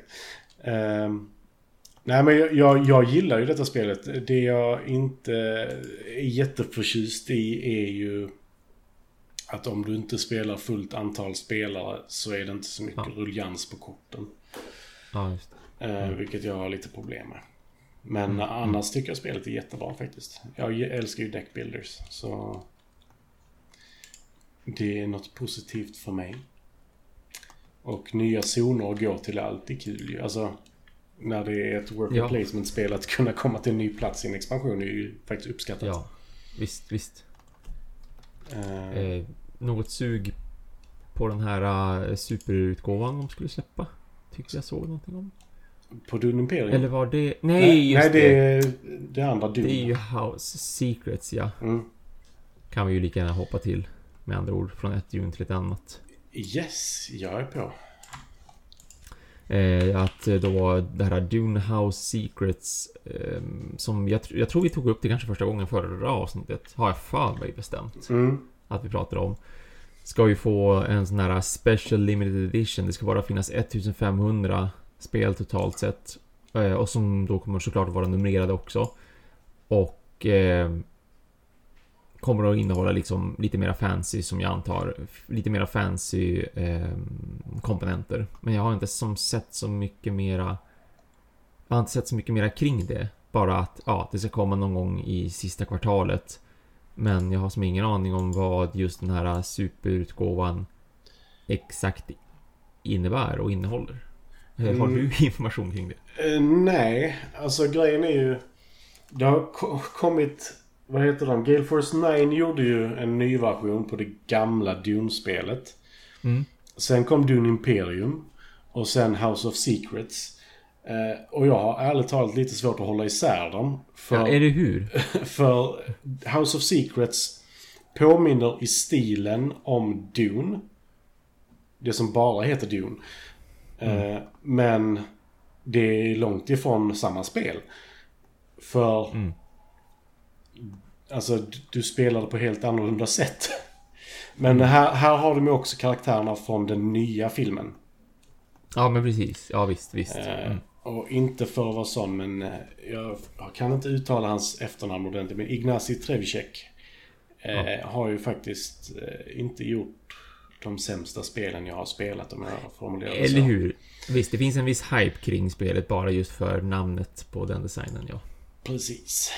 Så jag ser ju fram emot det, men jag vet ju inte om jag kommer spendera kanske den summan som kommer ut för ett spel som kommer ut i 1500 upplagor. Eh, Mm, nej, potentiellt inte. jag tror den Eh, summan det- kan bli ganska hög. Ja. Ja.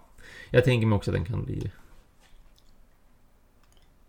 Men det, det är Men, säkert... men, men det är fint med specialutgåvor och, och liksom Dune-fanatiker kommer ju säkerligen att tycka att det är en kul grej såklart att få lägga, kunna lägga lite extra pen, pengar på att kanske få någonting som då är, är extra fint. Jag kan ju tänka mig jag kan ju tänka mig så här, ja men det är kanske är något speciellt med, med vissa tokens såklart som det alltid brukar vara. Att det är ersatt med lite finare versioner och även kanske att eh, det är en spelmatta istället för att du vet det är spelbräden. Sådana saker. Ja. Det ska bli kul att se mer av i alla fall. Ja, nej men definitivt. Det, det är ju... Det är ju definitivt inte fult, som jag formulerar det så, men... jag vet ju inte om jag... Jag har ju inte spelat House Secrets överhuvudtaget, vilket innebär att om jag inte skulle tycka om det så ligger jag inne med ett spel som jag inte vill Ja. ha, som kostar alldeles för mycket pengar. Visst, visst, ja. Jo, nej, jag ska, man ska nog researcha verkligen vad, exakt vad det innebär. Även om, visst, det finns en, som sagt, det finns hype kring det här äh, designens namn såklart. Han tenderar ju göra bra spel och han har många intressanta idéer och sådär. Men såklart vill man ju ändå fortfarande först och främst kolla upp exakt hur det spelas innan man bestämmer sig för att lägga så pass mycket pengar om man nu inte bara är en samlare helt enkelt och tänker att den ser fin ut i, i hyllan inför framtiden och potentiellt ökar i värde. Ja, men ja, jag är, jag är nyfiken. Det är absolut. ja nej, men nyfiken är man ju, men som sagt, det... Det har blivit enorm hype kring Dune i brädspelsvärlden. Mm. Eh, Mm. Dessutom så har det ju så här, vi skjuter upp filmen i ett och ett halvt år. Eh, ja men vi släpper ut lite brädspel däremellan så det är lugnt. Ja, ja, precis. Jag vet inte om det är en lösning. Men. Mm. men det var den. Och din. Eh, då är det min tur igen ju. Ja, Dun visst. på dun. Jag blev helt till mig här. Eh, Lost Ruins of Arnak fick... Jag vet, kommer inte ens ihåg om det var samma dag de kom ut med det. Sin expansion. Eh, samma dag som Im- Imperium... Eh, Dune Imperium Rise of X. Mm. Jag tror inte det var samma dag, men samma vecka var det i alla fall. Uh, Lost Ruins of Arnak Expedition Leaders. Den vill jag minnas att jag sa tog du, någonting om... Var det du som tog det? Jag för mig att Förra du gången. Tog inte du... Uh... Jag har även tagit soloexpansionen. Okej, okay, jag tror det var den Men det, det var två avsnitt innan. Okej. Okay. Uh, nej, men då, då tar jag inte upp mer om den.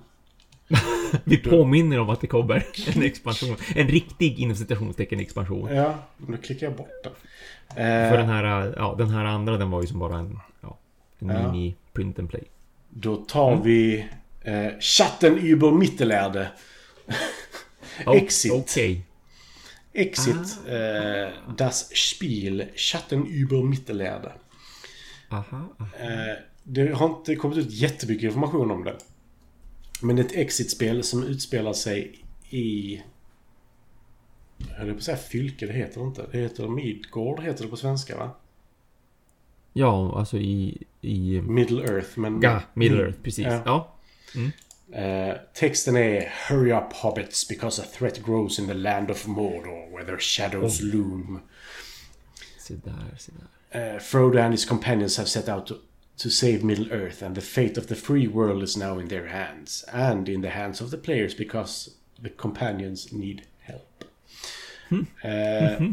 Men Gandalf har skickat ut spelarna på ett kritiskt uppdrag.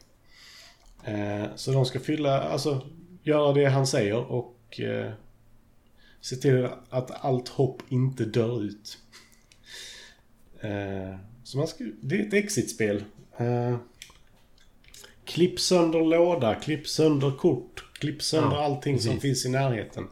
Ta med dig lite tejp, du kanske behöver sätta ihop någonting igen. Who knows? Mm. Eh, det är det jag gillar med exit-spel faktiskt. Det är synd att man bara kan spela dem en gång. Men också, i och med att du bara spelar det en gång, så när du är klar med det så är du klar med det. Ja, du, du kommer ger, inte göra mer. Det ger ju en väldigt speciell upplevelse som jag tycker är mera liksom sann till vad det försöker, upp, vad det försöker efterlikna för att när du går in i ett escape room så manipulerar du ju saker. Mm. Alltså fysiskt. Så därför tycker jag att det är kul att Exit-spelen gör den här äh, fysiska... Man kan bara använda det en gång.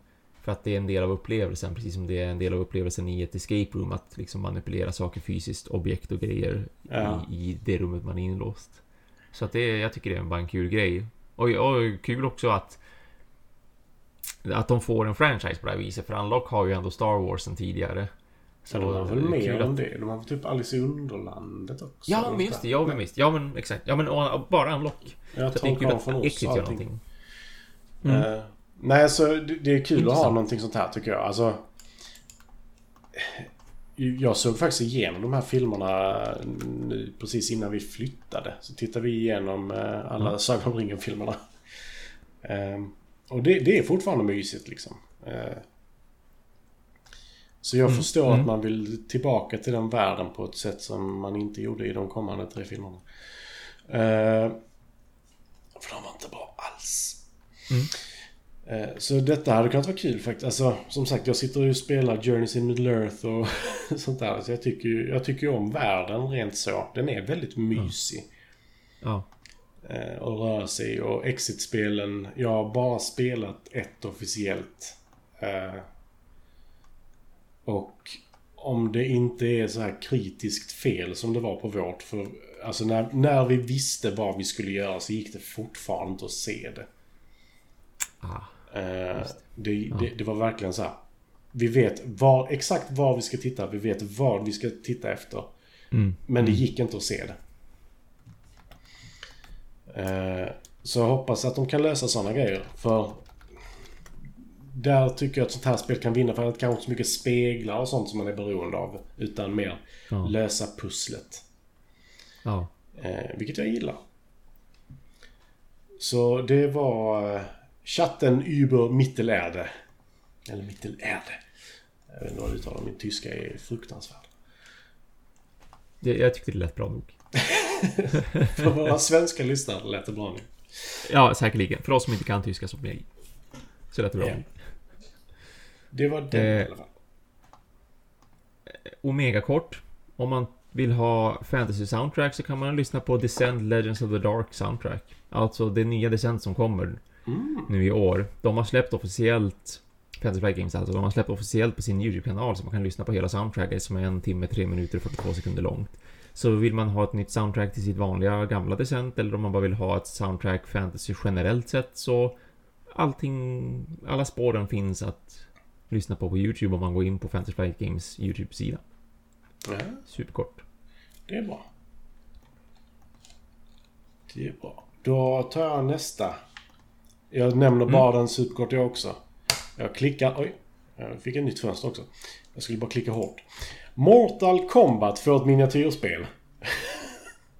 Oh, Och det- intriguing. Det tycker jag är helt fantastiskt för jag älskar Mortal Kombat för hur extremt medvetet lökigt det är. Ja, absolut. Oh, ja. Eh, och miniatyrerna ser ju helt fantastiska ut. Alltså, vi har Shao Kahn, vi har Sonya. Eh, vi har givetvis Liu Kang. Och som sagt, miniatyrerna är helt fantastiska. Ja, det här såg faktiskt väldigt bra ut. Eh, blir Kung. Lao är med. Han har hatten på sig och av sig samtidigt. Den är magisk. eh, Det här, ja, snyggt. nej, så det... Ja, fantastiskt. Det kan bli, alltså... Det kan bli kul intressant. För jag tror att Mm, om de mm. behåller andan av spelet. Mm, visst ja. Mm. Så tror jag att detta kan bli väldigt kul. Eh, Jag vet ingenting om systemet som det är nu. Eh, jag ser nu att det baseras tydligen på ehm, Street Fighter Miniatures Game och även det som var före det, Dragon Ball Z The Miniatures Game. Och Street Fighter The Miniatures Game, vad jag vet, har folk varit generellt sett ganska nöjda med. Det är liksom inte som att det har fått så här turbo super betyg, men det har inte fått dåliga betyg heller. Just nu ligger det på 7,2 på Board Game Geek. Det är när vi helt spelar in det här. Och det är ju verkligen helt okej. Och med tanke på vad det är liksom. De har tagit någonting som är ett, ett fightingspel. Som är ändå en väldigt speciell genre eh, i tv-spelsvärlden. Och försöka översätta det då till något som är ett figurspel känns ju väldigt svårt ändå. Så Ja. att kan de lyckas så bra som, en, som runt en sjua så skulle jag absolut vara nöjd över det i sådana fall. Och jag har tittat lite grann på Street Fighter The Miniatures Game just därför att jag blev, jag blev lika mycket what the fuck över det som att höra att det kommer ett Mortal Kombat också. Så jag, jag sneglar lite grann på det. Jag tycker verkligen att det verkar som att de har en väldigt intressant idé för hur förflyttning funkar och hur, sti, alltså hur det funkar att slåss på varandra och sådär. Och, och det är kortspelsbaserat. Eh, förflyttning och kortspel. För jag måste ju säga att jag älskar figurerna. Framförallt Mm. så älskar jag att, liksom att alla har så här en cool botten. Utom Baraka Ja. och eh, Kano. Kano har lite söndriga flaskor och en tidning så sopor runt sig. Och Baraka har så här lite, lite stenar. Ja. Eh, de andra har så här eld eller is eller något coolt tunnlock. Johnny Ja. Cage figur är ju tre figurer i en. Vilket är ganska coolt. Ja, jo. Ja, Liu Ja, det Kangs såg- figur var också jävligt ball tyckte jag när han gör Ja, sin ja. Bicycle sin kick i flammor. ja. ja. Jätteläckert. Det här ska jag absolut följa. Det, det blir ju en Kickstarter då som de andra spelen Mm. också har varit. Så att jag ska absolut se till att prenumerera på Board Game Geek-sidan så att jag får uppdateringar hela tiden om hur det hur det fortskrider framåt. Mm. Och jag ska, Utvecklingen. jag ska träna, jag ska eftersträva Shao Kahns kropp i detta spelet och hitta muskler som inte riktigt finns på riktigt. eh, för jag är lite osäker på att dels den där muskeln finns och dels den där vet jag inte riktigt vad fan de har hittat. Så det ska jag, det ska jag spendera min semester med nu tror jag. Perfekt sätt att på. Jag är ganska tjock så jag ska ändra på det i alla fall. Tänkte jag. Eh, nej men jag tänkte jag ville ta upp det för som sagt Mortal Kombat är en sån där franchise Absolut. som är helt fantastiskt medvetet lökig. Och jag, Mm, mm. de gör det på ett bra sätt också. Mm, tycker jag. Och eh, dessutom så har ju de senaste, eller inte senaste bara, men Mortal Kombats single player-delar i tv-spelsvarianter har fått riktigt bra kritik. Ja, och jag har för mig att det har, de har ju blivit mer och mer också liksom multiplayer på riktigt så här, de vill slå sig in på fighting-scenen mm. för den är ju väldigt, väldigt stor dessutom. Så att man har tagit det lite mer seriöst med så här, hur funkar det med kombos, hur funkar det att bryta kombos, hur det funkar att blocka och allt det här. Och, eh, så att det verkar ju ha blivit rätt, rätt riktigt bra verkligen rent mm. tävlingsmässigt dessutom. Just för sådana som spelar mycket fightingspel och verkligen gör det för pengar och så vidare och man kör stora turneringar och sådär. Så att Ja, det har ju blivit ett stort namn. Ja, för jag för mig att Street Fighter 5 var det väl. Det blev ju sån här superflopp för att online-modet funkade inte på typ ett år. Oh. Och sen aj, aj, aj, aj, det, det, var tydligen jättedåligt matchmaking och allting i det. Så ja. det var folk som mer eller mindre gav upp på det spelet. Så. Ja, och det är ju som sagt, ja, multiplayer är ju så stor del. Mm. Och fighting-scenen är så himla stor så att det känns ju som ett supermisstag att, att inte få till det ordentligt. Ja. Men sen, har du fler? Ja, en sista har jag bara. Mm, och det är också en jättekort. Ja, snyggt av oss. Mm. Jag ska bara nämna då slutligen att eh, för de som är eh, nyfikna på mer om Unfathomable, det här Fantasy Flags Gaming-spelet som ju ska ersätta ish liksom Battlestar Galactica, gamla Battlestar Galactica-spelet. Ehm, de, det nu går att läsa om alla karaktärer och vad de gör för någonting. Det var mm. bara det jag hade tänkt säga. Man kan ju följa såklart de har ju en sån här utvecklingsdagbok, eller vad man ska kalla det för, där, där de liksom avslöjar mer och mer om, om spelet i sig. Å andra sidan kan man ju också titta på en video som de går ju igenom typ nästan allting på spelet när de gjorde en sån här livestream för kanske ett par veckor sedan. Så att bara man tittar på den så tycker jag väl att den kanske är mer matig. Men för de som är intresserade av Unfathomable just för att man saknar Battlestar Galactica, att det inte det finns i tryck och sådär. Om man vill se vad det är för skillnader mellan karaktärerna så kan man nu då läsa en riktigt matig artikel där de går igenom alltihopa. Om inte annat så kan det vara intressant helt enkelt därför att det är ju, helt, det är ju nya karaktärer som vi inte har sett tidigare i det här uh, Lovecraft Arkham Horror-universumet. Det kan faktiskt vara väldigt intressant. Ja. För nu spelar jag, jag har spelat lite Mother's Embrace nu också. Lite mer på det. Ah, kul. Eh, ja. Väldigt mm. mysigt spel men eh, oj vad det är konstigt och konstiga anledningar till vissa saker kan jag tycka. Ja, jo då. Eh, jag kan tycka liksom att om du ska titta i en låda så kanske du inte ska skaka om den för att ta reda på vad som är i den. Men ibland så är det det visst. logiska svaret. Precis, ja, visst, visst, jo. Mm, mm. De hade kanske kunnat försöka det lite snyggare rent tematiskt sådär ändå. Men ja, för all del. Det är ja. ett trevligt spel tycker jag, på det stora hela. Ja, ja. Men alltså, jag tycker det är väldigt mysigt. Eh, jag har börjat använda magierna och lite sånt där också. Det är, ah. det är spännande. Mm. Mm. Eh, min sista nyhet är också väldigt, väldigt kort. Pandemic meets World of Warcraft Ratch, Wrath oh, of the Lich. King. Just ja, just det, var så sant. Eh, också en stor nyhet. Ja, eh, och där har det kommit en lite, väldigt kort trailer också. Eh, länk finns sen som Micke lägger in i allting. Yes. Och jag tror att detta kan vara en skitbra grej. För på riktigt hände det ju lite grejer. Jag tror faktiskt att det var under just den expansionen i World of Warcraft. Mm. Att det släpptes en, alltså typ pest i spelet. Som spred Visst. sig över hela spelet. Alltså hela Azeroth mm. fick den för att Mm. Folk ville titta på det och folk blev smittade till höger och vänster. Sen så gick någon smittad in i en stor stad och sen smittade de alla andra där. Och det var jättesvårt att lösa detta liksom. Mm. Eh, så det, det, är ju... För de som har den bakgrunden så kan det bli riktigt, riktigt kul att liksom testa denna världen igen. Och se mm. mm. hur, hur det har spritt sig liksom så här.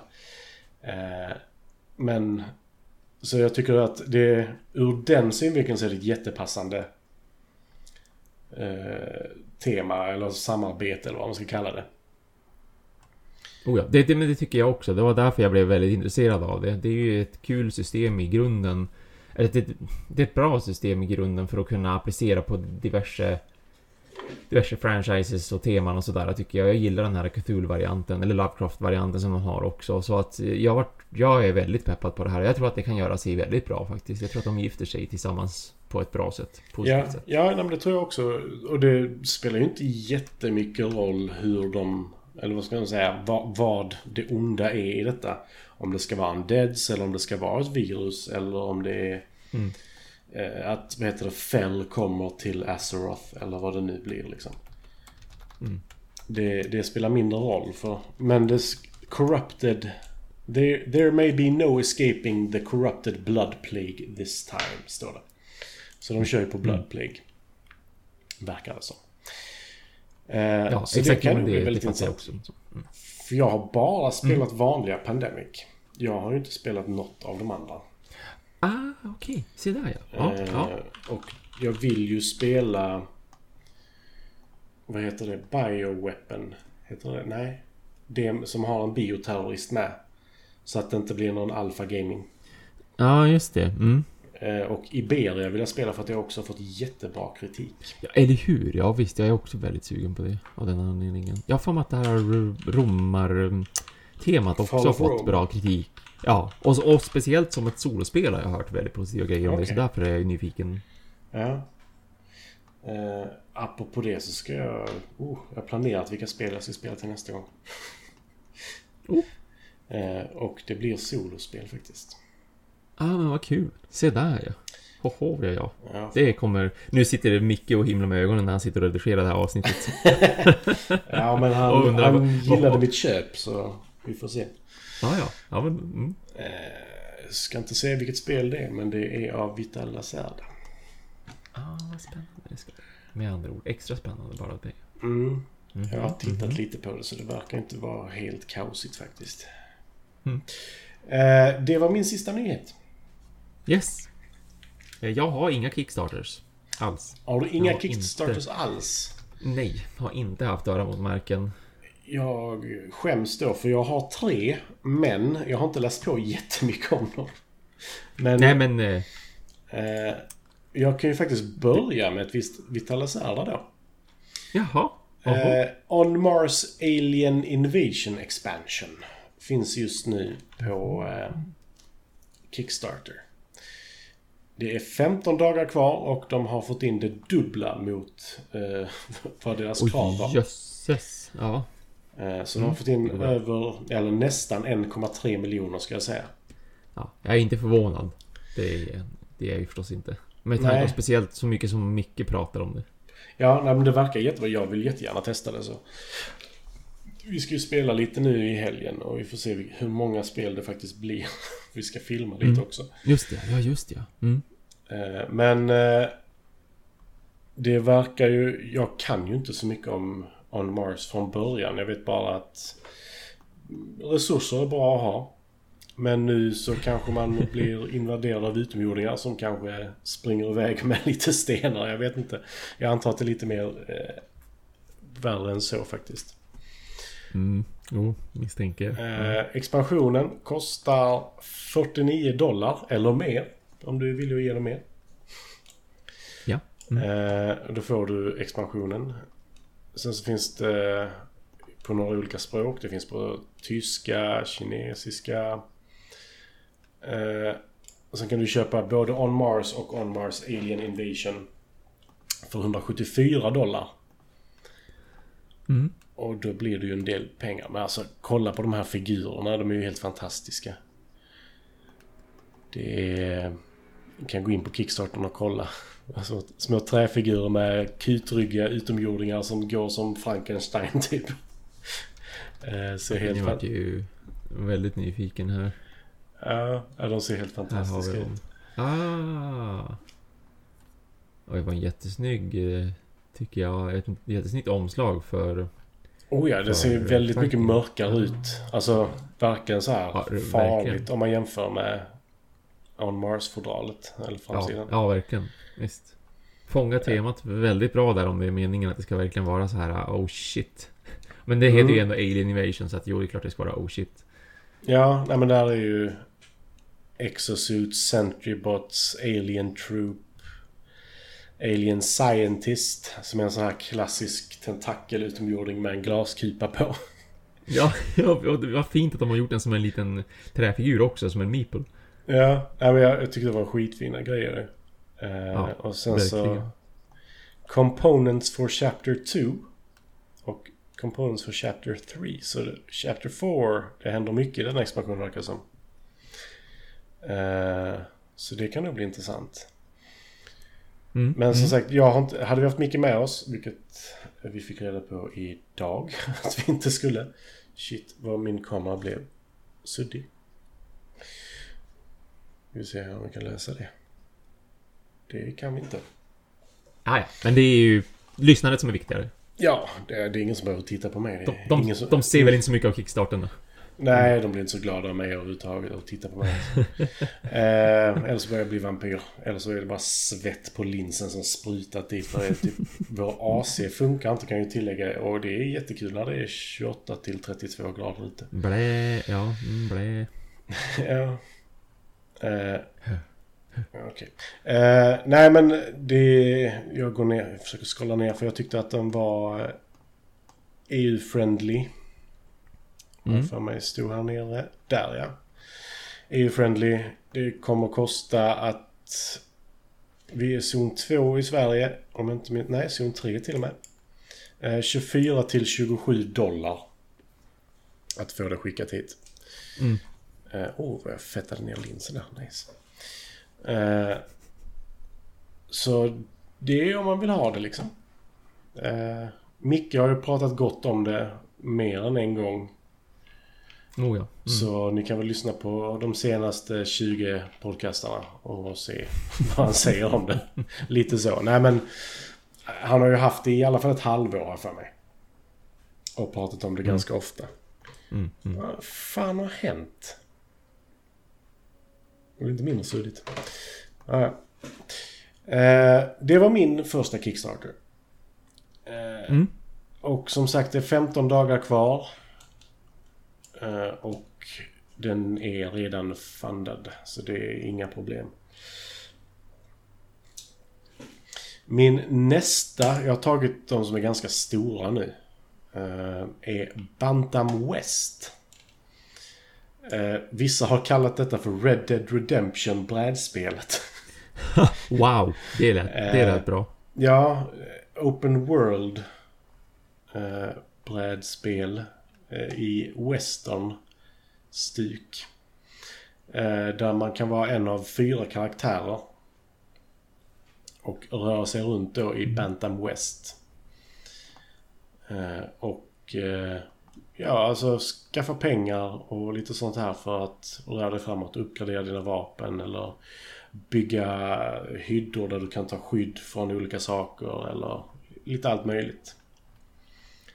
Eh, och du kan skaffa medhjälpare antingen för att döda och ta deras saker eller bli starkare. Eh, mm -hmm. Så det finns lite allt möjligt att göra faktiskt. Fan vad detta stör mig, förlåt men kamerahelvete varför gör du så här?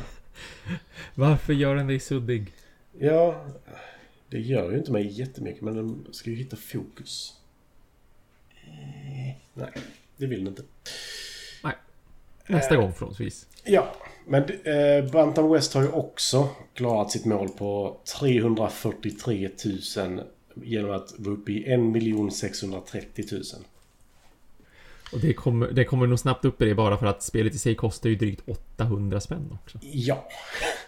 Jag såg att det var lite dyrt. Sådär. Ja, 838 kostar det. Mm. Mm. Eh, men när man tittar på det så tycker jag inte det känns som att det är så himla stort. Nej, men jag undrar om... Jag tror att det potentiellt också är för att man kanske inte använder Eh, så oslökt liksom mycket komponenter åt gången och per spelare och sådär utan det kanske hålls ner ganska, ganska rimligt eh, beroende på. Det är som, på vissa bilder så ser det så här jätte jättelagomt litet trivsamt ut så här. Ja. Men på någon bild så bara Oh my god, är det här allt som finns i lådan eller är det här från ett riktigt parti? Ja, nej, men jag tror att det finns, som jag tolkar det, så finns det ett bräde som är hela området. Och sen finns det ett bräde för platserna du kan gå till i det området.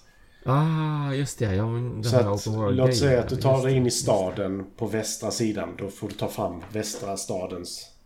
Okej, okay, just det. Så ja, det... tolkar jag det lite. Ja, ja. Mm. Eh, så det verkar ju faktiskt vara ganska... För det finns One Town Tile, Four Terrain Tiles. Och allting är double-sided. Ja, Nice. Det är mycket, mycket grejer ja. Ja. Eh, och så följer med hur mycket som helst. Eh, man, åtta resurstokens. Det är... Jag tror det är pälsar, trä, tobak eller blommor och silver tror jag det kan vara. Eh, men alltså recensionerna om det är verkligen... Eh, ja, hur bra som helst. Mm. Mm. Jo, det verkar som att folk har varit väldigt positiva. Alltså influencers som har fått det i förväg. Ja. Eh, och här står det också frakten ungefär för alltså projected for 2022 eh, är i Europa 29 dollar. Ja, klart, klart överkomligt tycker jag ju absolut för ett spel som ändå då ska gå på lite drygt 800 kronor och ser ut att vara väldigt välpackat. Ja, för, för numera har mitt problem med Kickstarter blivit att om det är ett spel som kommer utanför Kickstarter så är jag väldigt tveksam till att göra det. För att plussa på halva spelets pris i eh, frakt liksom. Ja, absolut. Det, det känns lite fånigt. Mm. Förhoppningsvis så blir det ju mycket, mycket bättre just fram till 2022 i synnerhet. Jag förstår ju att de har att de räknar på just 2022 och inte vill försöka få spelet färdigt snabbare än så direkt för att då ska vi väl kunna kanske normalisera lite grann den här eh, hetsen och galenskaperna kring just fraktpriser på grund av att det inte finns så mycket containrar och att de sitter fast på olika ställen och att såklart företagen trissar upp priserna för sådana saker i och med pandemin som har varit så att från hus väl det där ut och så blir det just rimligare fraktpriser generellt sett för, för de stackare som gör Kickstarters för det är ju verkligen där det slår slår till ganska hårt. Ja.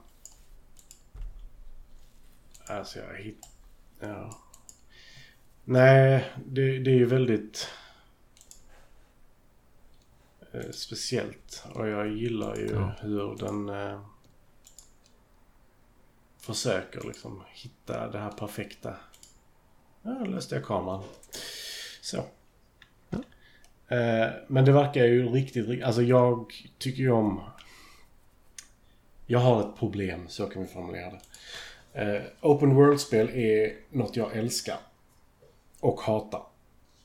För jag kommer ju aldrig dit jag ska.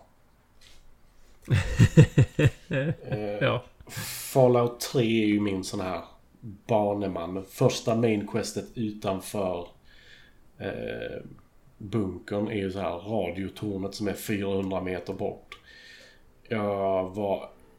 Jag kommer inte riktigt ihåg vilken level det var nu men det var över 27. Innan jag tog mig till liksom första Oj, mainquestet. Ja. ja. Ja, jo det är lätt att dra iväg på andra äventyr ja. så är det ju absolut. Så det, det, det är lite farligt.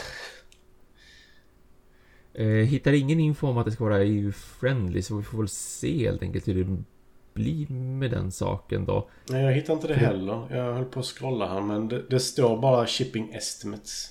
Ja, exakt och ingenting annat. Så ja, man får väl vara lite vaksam över den saken och potentiellt. Eller om det finns, det kanske kommer en uppdatering eller har kommit en uppdatering eller det står bland kommentarerna för det känns ju ändå som någonting som, som folk borde ha frågat om redan vid Nej, det här laget. det står faktiskt lite längre ner shipping info. Due to the new import tax laws in areas like the UK and the EU, EU uh, value added tax and other regional taxes associated with backers regions will be added to each pledge in the pledge manager. Ah, ah, Based on okay. your location, the VAT could be 15 to 20 percent. Yes, ja men då... Så det är inte EU-friendly helt enkelt. Nej. Långt därifrån. Eh, och det var Bantam West lite snabbt. Eh, mm. Som sagt, jag har inte läst på jättemycket om dem, men det var de här som jag tyckte var dels de största och de som såg mest intressanta ut. Och sen har jag en till. Distilled. Mm. ja, visst. Den, den, just det. Mm. Ja, för just oss det. som tycker om alkohol så kommer det ett spel som heter Distilled. Jag har inte köpt Moonshiners, även om jag hade velat det. Eh, men i detta spelet så ska du då brygga din alkohol. Och kanske åldra den eller vad du nu vill göra liksom. Eh, och då kan du brygga lite olika saker och du får med dig olika heter det? Hjälpredor och sånt här som gör det lättare att göra olika saker. Eh, men det går huvudsakligen ut på att liksom bli bäst på att brygga någonting. Mm. Under ett visst antal rundor. Eh, och då gör du allt från öl till vin till whisky, tequila tyckte jag jag såg någonstans. Eh, vodka. Lite allt möjligt liksom. Eh, och då går du ut på... Du lägger ihop ingredienserna som behövs för det och sen så lägger du till då en jäsningseffekt. Och sen tar du bort, för att få ditt alkohol givetvis. Sen tar du bort vissa kort. Och det är då det kan gå fel för dig. Mm, mm. Eh, som då de här hjälpredorna kommer in och hjälper till. Eh, men det verkar faktiskt väldigt intressant. Också fått väldigt bra eh, kritik. Eh, och, eh, ska vi säga, whisky, rum, brandy, gin. Ugh, inte gin, det är inte gott. Eh, sake är nog det där. Nej, det är inte sake. Det är inte japanska. Ja, strunt samma. Där är en massa olika spritsorter du gör i alla fall. Mm. Eh, och det verkar också vara så här ett mysigt spel, tycker jag. Det var... Eh, jag tycker inte det verkar vara sådär cutthroat som man kallar det. Utan mm. man brygger sitt mm. eget liksom. Mm. Och det är alltid mysigt. Det har just nu Kom igen. Så. Eh, 14 dagar kvar. När vi spelar in, så 15, eller 13 dagar imorgon. Eh, det har klarat med ganska god marginal skulle jag säga. Eh, de ville ha 155 000, de har fått in 2,4 miljoner snart. Så de har klarat sitt mål. Eh, och... Nu ska vi se här. 55 dollar kostade, så 475 kronor ungefär för base game. Och detta mm. var EU-friendly läste jag innan. Ja, jag såg någonting om risk and challenges längst ner att de pratar om det här med covid-19 förstås och pandemin och VAT issues och att the final cost and time to deliver the game to each backer may change men att de har, de har jobbat hårt för att skapa någon slags worst case scenario och de hoppas mm. att det de har det de har gissat på, eller ska, det, som, det som de förväntar sig, att det verkligen ska bli där omkring vad de, vad de säger och tror att det ska vara. Ja. Att det inte kommer några extra eh, kostnader för att de har räknat fel eller för att det händer någonting i världen eller vad det nu än är. Eh, för det står, det är shipping men VAT and other regional taxes not included. Mm. Och det, är 25 dollar ja. för EU. Och det, det är ju liksom det, det, har liksom gjorts hela YouTube-klipp om hur jävla dåligt det står till med frakten i världen just nu. Ja, mm, alltså, jo det är eländigt. Priset på, på eh, en sån här container nu är, vad är det, trippelt mot vad det var för ett år sedan eller något sånt där. Ja, ja det är och det helt galet. Kan ju själva tänka er vad det skulle kosta att hyra en sån liksom. Uh, så det, det är fruktansvärt att försöka få någonting fraktat från Kina nu.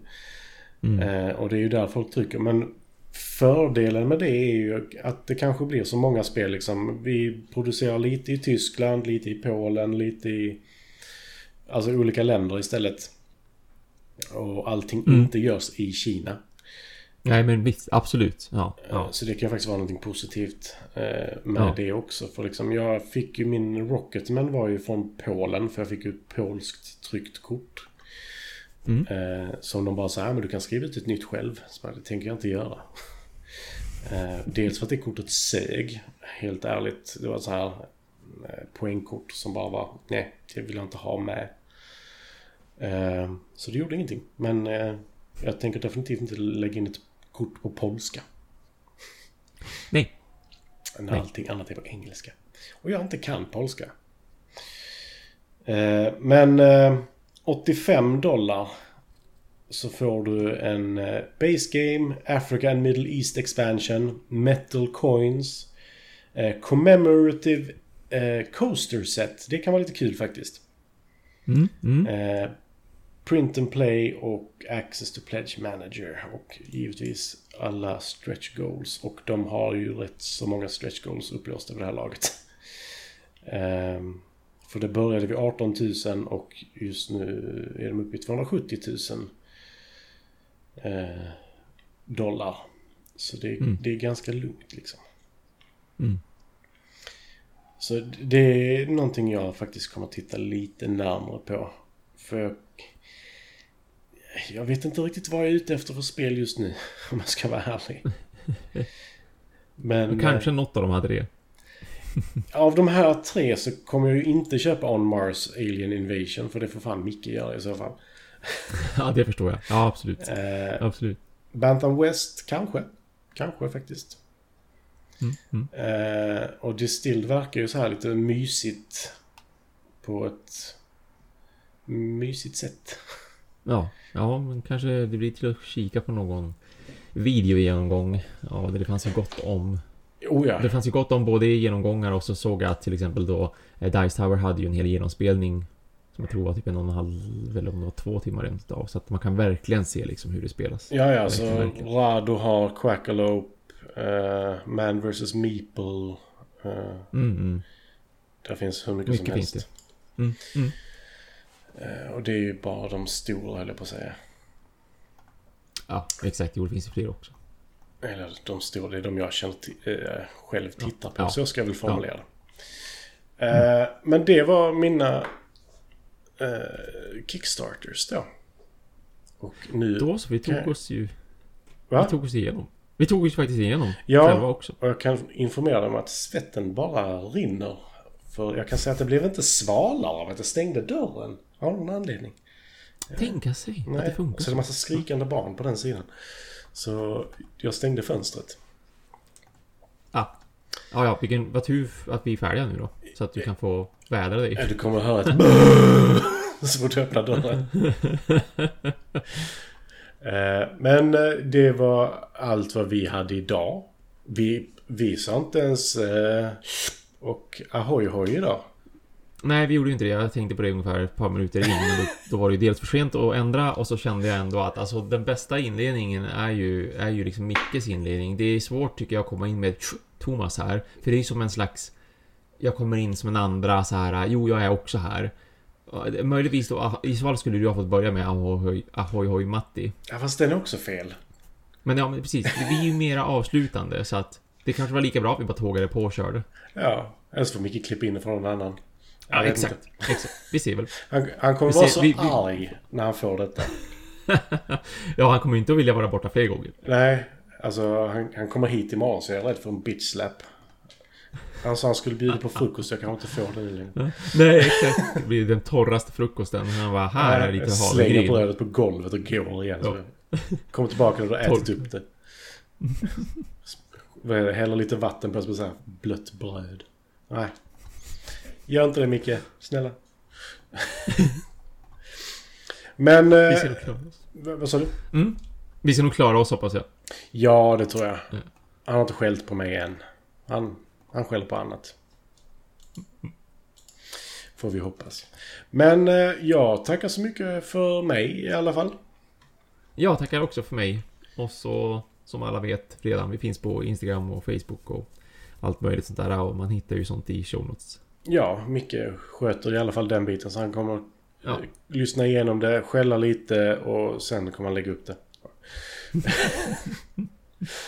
Eh, så tack så jättemycket för att ni har lyssnat. Det var några som var inne och tittade men ingen skrev någonting vad jag kunde se. Eh, så vi har inte sagt någonting om dem. men, vad bra att du hade koll på det i alla fall. Ja. Eh.